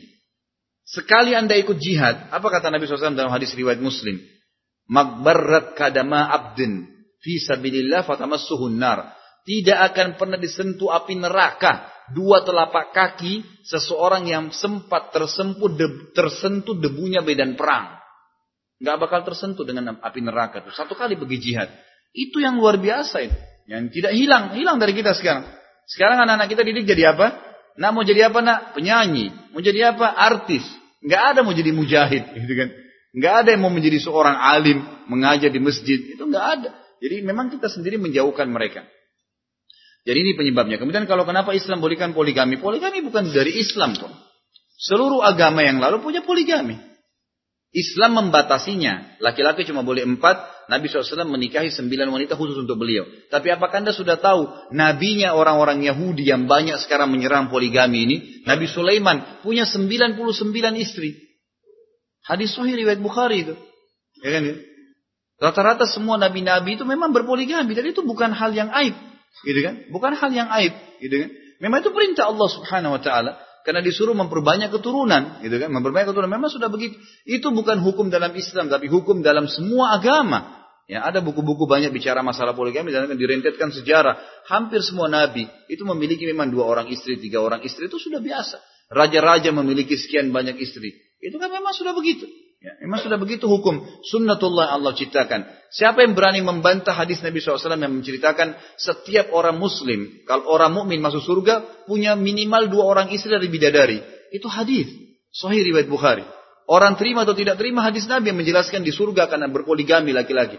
Memang sudah begitu hukumnya Allah Subhanahu wa taala. Gitu kan? Jadi memang kita yang harus membuka diri belajar. Kenapa agama bolehkan? Ya, kenapa saya belum bisa? Kenapa saya belum mau belajar? Ya, jangan spontan menolak gitu kan. Akhirnya kita menganggap remeh agama Allah Subhanahu wa taala. Saya pernah dengar tausiah Ustaz di YouTube bahwa bernazar hukumnya makruh. Sebelumnya saya sudah bernazar untuk suatu hajat namun hajat tersebut belum terwujud. Bolehkah saya membatalkan nazar tersebut karena hukumnya makruh? Kalau belum terwujud maka boleh. Belum terwujud ya. Kalau terwujud nggak boleh lagi. Saya kalau sembuh, saya mau puasa tiga hari. Sembuh, berarti wajib, udah nggak boleh. Ulama mengatakan nazar hukumnya makruh karena kalau terpenuhi wajib dilakukan. Makanya dimakruhkan gitu kan. Tapi kalau belum terwujud masih boleh anda batalkan. Salah satu dosa besar yang pernah Ustaz sampaikan adalah menggunakan pakaian hingga menutupi mata kaki bagi laki-laki. Terlebih pada saat sholat. Saya sering menjumpai imam sholat berjamaah dengan mata kaki tertutup. Pada saat sholat, apakah sholat berjamaah tersebut sah? Jika tidak sah, apakah saya tetap menjadi makmumnya atau lebih baik saya sholat sendiri atau bikin jamaah baru? Memang ini hadis, Bapak Ibu sekalian. Saya heran ya, kadang-kadang orang banyak ribut tentang masalah isbal. Laki-laki kenapa harus celananya di atas mata kakinya? Nanti jingkrang lah, nanti inilah dengan beragam macam istilah. Ya kan gitu. Jadi begitu dia menjalankan sunnah Nabi malah disorotin. Yang saya heran di mall, ini mall sebelah anda anda lihat sekarang. Ada orang yang pakai celana di atas lututnya. Bukan di atas mata kaki. Tidak malu tuh jalan. Ada orang lebih tinggi lagi, pahanya kelihatan. Nggak malu jalan. Subhanallah kita jalankan sunnah Nabi di atas mata kaki lalu malu. Mengatakan aib. Oh kalau saya ke keundangan nanti malu celana saya jingkrang. Ada perempuan bolong belakangnya. Kekurangan kain. Nggak malu tuh. Kenapa anda mesti malu? Subhanallah. Sementara ancamannya sangat berat. Nggak bisa dipertemukan dengan itu. Kata Nabi SAW. Semua atau tiga golongan yang berat sisanya hari kiamat. Allah tidak akan lihat Ya. Allah juga tidak akan bantu di timbangan, tidak maafkan mereka. Yang pertama musbil, memang laki-laki menutup mata kakinya ya dengan kainnya. Kemudian yang kedua menan, orang yang sebut-sebut kebaikannya, udah bantu orang sebut-sebut, gitu kan? Lalu yang ketiga itu adalah orang yang bersumpah palsu, berbohong, gitu kan? Mengatakan saya eh, apa namanya belum sampai modal kalau berdagang misalnya, padahal sudah untung. Nah ini semua bohong. Ini termasuk orang yang disiksa oleh Allah SWT. Kalau masalah sholat memang masih khilaf di antara ulama tentang kesohian hadis ini. Tapi ada yang menghasankan dan saya cenderung dengan pendapat ini. Pribadi ya. Bahwasanya ada seorang sahabat masuk masjid kemudian dia sholat. Setelah sholat kata Nabi SAW ulangin udukmu. Bukan cuma sholat. Ulangi udukmu dan sholatmu. Sahabat ini nggak bertanya keluar uduk lagi lalu kembali sholat. Dia nggak nanya. Selesai salam yang kedua kali Nabi bilang ulangin udukmu dan sholatmu. Disuruh ulangin lagi. Orang ini nggak nanya, keluar wudhu langsung masuk lagi sholat. Ada satu sahabat di sebelah Nabi bertanya ya Rasulullah, dua kali anda suruh dia berhenti. Kenapa ya Rasulullah? Apa kata Nabi SAW? Mata kakinya tertutup. Gitu kan? Nah ini hadisnya ya. Lalu bagaimana hukumnya kalau saya sholat di belakang imam yang musbil, tutup mata kakinya? Kalau dia tahu hukumnya dan dia sholat, maka kita nggak boleh sholat di belakangnya. Gitu kan? Tapi kalau dia tidak tahu hukumnya, umum, buku fikih menjelaskan as-sholat wara imam majhul, majhul hal. Hukum sholat di belakang imam yang tidak jelas statusnya. Tahu nggak hukum sunnah? Faham nggak jadi imam? Bacaannya benar nggak? Ternyata pas kita sholat bacaannya ngawur. Kan? Sholatnya ngawur. Sahkah sholat kita? Sah, nggak masalah. Kata Nabi SAW kalau imam salah, ya, dia batal sholatnya, dia berdosa dan kalian sah sholat. Kalau dia benar, kalian dapat pahala, dia dapat pahala dan dia diberikan pahala-pahala kalian. Jadi kan? Seperti itu hukumnya. Apa dasarnya e, beberapa sholat jamaah di masjid tertentu menggunakan doa kunut pada saat subuh? Hadis Nabi SAW, tapi hadis ini dilemahkan oleh para ulama yang berbunyi Nabi SAW tidak pernah yang meninggalkan kunut selama beliau hidup. Tapi ini hadis lemah ya, hadis yang memang dilemahkan karena ada rawinya pembohong. Ada rawinya pembohong kan gitu. Jadi ulama mengatakan kalau hadis itu lemah karena misal eh, ada kan lemah itu bisa banyak penyebab ya. Bisa saja hafalannya tidak kuat, gitu kan? Atau pernah dia masa mudanya hafalannya kuat, kemudian masa tuanya dia mulai lupa. Maka hadis yang di masa mudanya diterima, hadis di masa tuanya ditolak. Ya ini disilakan dalam ilmu hadis ikhtalata fi akhir umrihi. Mulai bercampur baur hafalannya di akhir hidupnya. Ini lemah tapi lemahnya tidak lemah sekali. Ada lemah yang karena pembohong itu nggak bisa diterima. Nah hadis-hadis berhubungan dengan kunut subuh memang kebanyakan seperti itu dan Imam Ahmad merincikan dengan sangat panjang lebar. Banyak orang-orang kita di Indonesia melakukan kunut subuh kan dengan hadis yang lemah, sementara mereka meninggalkan kunut witir yang hadisnya sahih. Mereka nggak pernah kunut kalau witir. Saya kalau masuk subhanallah di masjid yang subuh kunut, kalau dia sholat terawih atau dia witir nggak ada kunutnya. Padahal sebenarnya justru itu yang hadis yang sahih. Ini yang hadisnya lemah gitu kan. Tapi dalam masalah ini kita tidak boleh perselisihkan, tidak boleh permasalahkan. Imam Ahmad mengatakan, siapa yang sholat di belakang orang imam yang sedang kunut, dia ikut. Tidak ada masalah. Dengan niat dia ingin kunut nazilah. Dia bukan kunut subuh, tapi dia kunut nazilah. Kunut nazilah ini adalah kunut yang dibaca oleh Nabi SAW setiap kali ada masalah yang menimpa kaum muslimin dan dibaca di lima waktu sholat. Subuh, duhur, asar, maghrib, isya. Semuanya digunakan kunut. Sebagaimana ada satu suku dari orang Badui yang pernah membunuh beberapa sahabat Nabi penghafal Quran. Lalu Nabi SAW kunut nazilah selama sebulan untuk Allah hukum mereka. Bagaimana hisab di padang mahsyar bagi orang-orang di pedalaman yang belum sampai ajaran agama kepada mereka? Apa yang Allah lakukan kepada mereka masuk surga atau neraka? Diuji oleh Allah Subhanahu wa taala. Dalam hadis dikatakan tahta masyiatillah, di bawah naungan Allah Subhanahu wa taala. Allah akan uji semua manusia kalau masih dalam fitrah, fitrah itu asal dia lahir ya, belum diubah-ubah, maka pasti dia kenal Tuhannya. Dia kenal Tuhannya. Kata Nabi SAW dalam hadis Bukhari, Kullu mauludun yuladu alal fitrah. Semua yang lahir di muka bumi pasti dalam keadaan fitrah. Maksudnya kenal Tuhannya. Fa'abawahu yuhawidanihi. Nanti kedua ayahnya kalau Yahudi menjadikannya Yahudi. Au yunassiranihi atau menjadikannya nasara kalau orang tuanya nasara. Au yumajisani atau menjadikannya menyembah api atau berhala kalau memang orang tuanya penyembah api dan berhala. Gitu kan? Jadi iman dia fitrah. Allah SWT akan menguji mereka. Kalau mereka tetap dalam fitrahnya tahu Allah masuk surga. Ya masuk surga. Termasuk di sini ulama membahas anak-anak orang kafir yang meninggal dalam keadaan orang tuanya kufur. Belum balik. Ada orang Nasrani anaknya mati 10 tahun belum balik. Maka sama hukumnya masuk dalam tahta masyiatillah kalau mereka masih dalam fitrah mentauhidkan Allah, mengisahkan Allah, maka mereka masuk surga bersama kaum muslimin. Apa hukum imunisasi untuk bayi? Karena sebagian imunisasi eh, bahannya terbuat dari sesuatu yang haram seperti babi. Kalau anda pastikan bahannya haram, jauhi. Tidak usah dipakai. Gitu kan? Di zaman Nabi SAW tidak ada anak yang imunisasi sehat semua. Bahkan jadi mujahid semua, Masya Allah. Gitu kan? Jadi nggak ada masalah. Tapi kalau memang bahannya anda pastikan tidak ada masalah, kemudian memang terbukti secara medis itu baik buat kesehatan, tidak Anda lakukan. Allah alam itu yang saya tahu ya. Kalau saya sih secara pribadi eh, di apa namanya empat anak saya yang pertama, saya memiliki enam orang anak, alhamdulillah. Empat anak saya yang pertama itu memang diimunisasi karena saya belum tahu awalnya gitu kan. Saya suruh istri saya untuk bawa ke klinik dan diimunisasi karena alasan memang itu peraturan pemerintah. Kemudian setelah anak yang kelima, saya mendapatkan informasi dari majalah Bekam. Teman-teman banyak susun majalah Bekam dari dai-dai. Lalu didatangkan fakta-fakta situ, ada beberapa dokter kita pun di Indonesia, dokter spesialis yang menjelaskan kalau imunisasi itu ada bahan-bahan haramnya. Gitu kan? Dan berbahaya bagi bayi. Karena itu adalah bakteri yang disterilkan. Secara medis pun tidak bisa ditangkap tuh kalau istilah bakteri disterilkan. Gitu kan? Namanya bakteri itu berbahaya.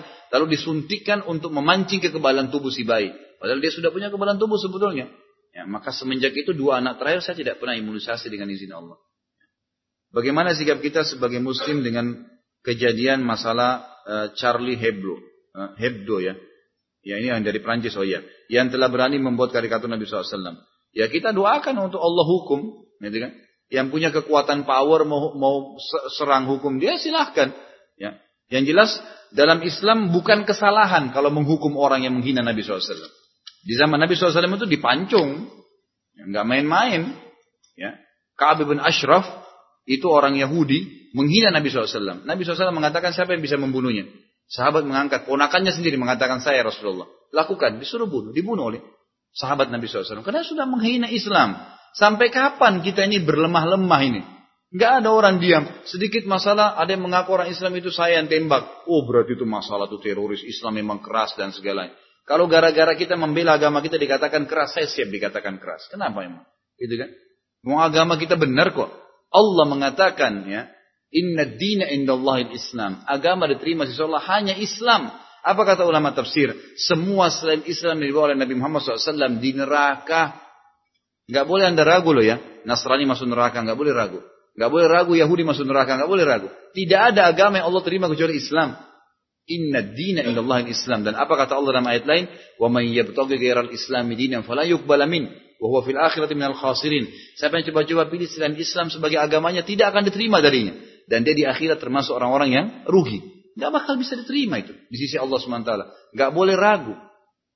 Kata Nabi SAW tidak ada seorang pun dari hadis riwayat Muslim, dari Yahudi, Nasrani, Majusi, semua penyembah berhala, penyembah api, mendengarkan saya diutus menjadi nabi, lalu dia tidak beriman pada saya, kemudian meninggal dalam keyakinan itu, tidak beriman pada risalah Nabi SAW, kecuali pasti jadi penghuni neraka. Sabda Nabi jelas, gitu kan? Jelas firman Allah Subhanahu Wa Taala. Anda jangan ragu, Allah mengatakan apa? Sesungguhnya telah kafir orang yang mengatakan Trinitas. Lakat kafar inna Allah thalithu thalatha. Memang begitu. Kita bukan benci individunya. Garis bawahi kalimat ini. Tidak ada dalam Islam mutilasi, tusuk orang, nggak ada. Kecuali kita memang jihad atau memang lagi diserang, gitu kan. Tapi kita sedang membenci keyakinannya saja. Keyakinannya yang diperangin, didakwahin, diluruskan, dinasehatin. Hukuman pun secara fisik itu karena untuk membuat dia tinggalkan kekufurannya. Itu. Jadi nggak ada kebencian secara fisik. Makanya begitu syahadat selesai kan. Ada lagi urusannya. Nah, ini yang mesti difahami. Bagaimana cara kita memberikan pemahaman kepada sesama muslim yang melaksanakan maulid Nabi SAW. Jadi nasihatin, tanya Nabi pernah buat acara maulidnya. Jawaban kalau mereka jujur, Bapak Ibu sekalian, mereka akan bilang belum pernah Nabi kerjakan. Pasti begitu. Karena memang Nabi SAW tidak pernah rayakan seperti yang mereka rayakan ya. Berdiri, baca salawat, lalu anggap ruhnya Nabi sedang lewat, itu tidak pernah. Dan secara histori Anda boleh kembali kepada semua buku sejarah Islam. Maulid itu muncul tahun 230 Hijriah di masa kerajaan dinasti Fatimiyah. Fatimiyah ini berfaham Syiah. Syiah ini siapa? Kelompok yang mengaku Islam yang mengatakan Quran kita itu kurang.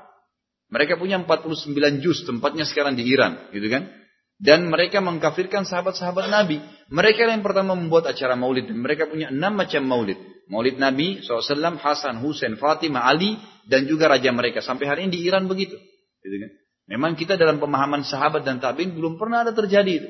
Dan tidak akan mengurangi sedikit pun dari hak Nabi Muhammad SAW dengan tidak mengadakan acara lahirnya. Karena kita setiap saat, setiap namanya disebut SAW kita membacakan salawat untuk beliau. Ya kan? Setiap syahadat, tasyahud dalam sholat membaca salawat. Setiap kali habis selesai azan baca salawat. Hari Jumat baca salawat. Kita memang dianjurkan membaca dan tidak mengenal pada hari lahirnya saja. Masalahnya Nabi nggak contohkan saudaraku. Kalau anda tidak anggap Nabi Muhammad SAW sebagai kiai anda, lalu siapa yang anda ya ikutin? Dalam buku yang saya tulis, mudah-mudahan Allah mudahkan selesai. Saya banyak singgung poin ini. Judulnya Kiaiku Muhammad, kiai anda siapa? Selalu saya titik beratkan masalah ini. Karena saya bilang di Indonesia mohon maaf banyak kiai-kiai yang mau mengalahkan Nabi Muhammad SAW. Lalu saya kasih tanda tanya. Kenapa kalau anda bertanya? Jawabannya adalah pada saat mereka melakukan perbuatan yang Nabi nggak contohkan, lalu kita tanya Pak Kiai, kenapa anda lakukan ini? Mereka akan mengatakan ini kan baik, gitu kan? Ini kan baik. Maka saya kembali bertanya, apakah anda berani mengatakan di depan Nabi Shallallahu Alaihi Wasallam kalau begitu ya Rasulullah, anda nggak ajarin tapi ini kan baik, jadi saya mau buat, gitu kan? Maka sama saja Anda mengatakan, maaf Rasulullah saya lebih tahu daripada Anda. Nabi nggak pernah ajarin terus mau dibuat ngapain. Sedangkan yang disunnahkan saja sudah banyak. Gitu kan? Bapak ibu sekalian terapkan sunnah saja. Itu udah banyak terbengkalai. Ini mau ngarang-ngarang perbuatan yang Nabi tidak contohin. Bagaimana caranya? Subuh. Ada sholat sunnatul fajr. Iqamah ada subuh. Ada zikir pagi. ya Rutinkan. Sebentar istirahat ada duha. Sebentar istirahat ada duhur. Qabliyah duhur, duhur, ba'diyah duhur. Ada empat rakaat sebelum duhur, ada duhur empat rakaat, ada ba'diyah duhur empat rakaat. Sebentar istirahat ada asar, ada qabliyah asar empat rakaat, ada asar, ada zikir sore. Sebentar istirahat ada maghrib, qabliyah maghrib dua rakaat, maghrib tiga rakaat, ada ba'diyah maghrib dua rakaat. Istirahat sebentar ada isya, qabliyah isya dua rakaat, isyanya empat rakaat, ba'da isya dua rakaat. Sebentar istirahat ada tahajud, delapan rakaat dan witir tiga. Kembali lagi subuh. Ini baru yang rutin. Sudah jaga kah itu? Gitu kan? Belum masalah baca Qur'annya, belum jenguk orang sakit, belum bakti dengan orang tua, belum mengerjakan zikir-zikir yang belum masuk di zikir pagi sore ya. La haula wala quwata illa billah, subhanallah wa bihamdihi, subhanallah azim, subhanallah alhamdulillah wa la ilaha akbar dan banyak zikir yang lain yang kita harus amalkan. Yang sunnah saja sudah padat untuk dikerjain, ngapain buat-buat perbuatan baru, gitu kan? Contohnya saja. Mudah-mudahan kaum muslimin diberikan hidayah kepada Allah Subhanahu wa taala atau di jalan Allah Subhanahu wa taala. Marilah kita kembali kepada ajaran Nabi kita Muhammad sallallahu alaihi wasallam karena beliau tidak diutus kecuali untuk diciplak dan diikutin. Maka ikutin jejaknya. Lakukan yang diperintahkan dan tinggalkan yang dilarang dan juga yang tidak dicontohkan oleh Nabi sallallahu alaihi wasallam sehingga memang benar-benar kita sesuai dengan ajaran beliau alaihi salatu wasallam. Cukuplah sebagai peringat hadis Nabi sallallahu alaihi wasallam yang berkata, ya, Kullukum yadkhulul jannah, kullukum tadkhulul jannata illa man aba. Kalian semua pasti masuk surga kecuali yang nolak.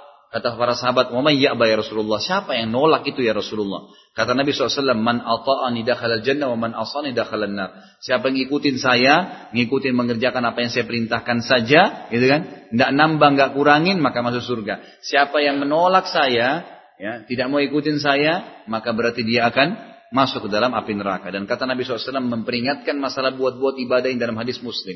Man ahdatha fi amrina hadha ma laysa minhu fahuwa raddun mardud. Siapa yang buat-buat ngarang-ngarang ibadah yang tidak saya contohkan maka akan tertolak atau ditolak oleh Allah Subhanahu wa taala. Jadi ini memang peringatan Nabi bukan dari saya. Semoga kita bisa memahami masalah ini. Kalau benar dari Allah, kalau ada salah dari saya mohon dimaafkan. Subhanakallahumma bihamdika asyhadu an la ilaha illa anta astaghfiruka wa atubu ilaik. Wassalamualaikum warahmatullahi wabarakatuh.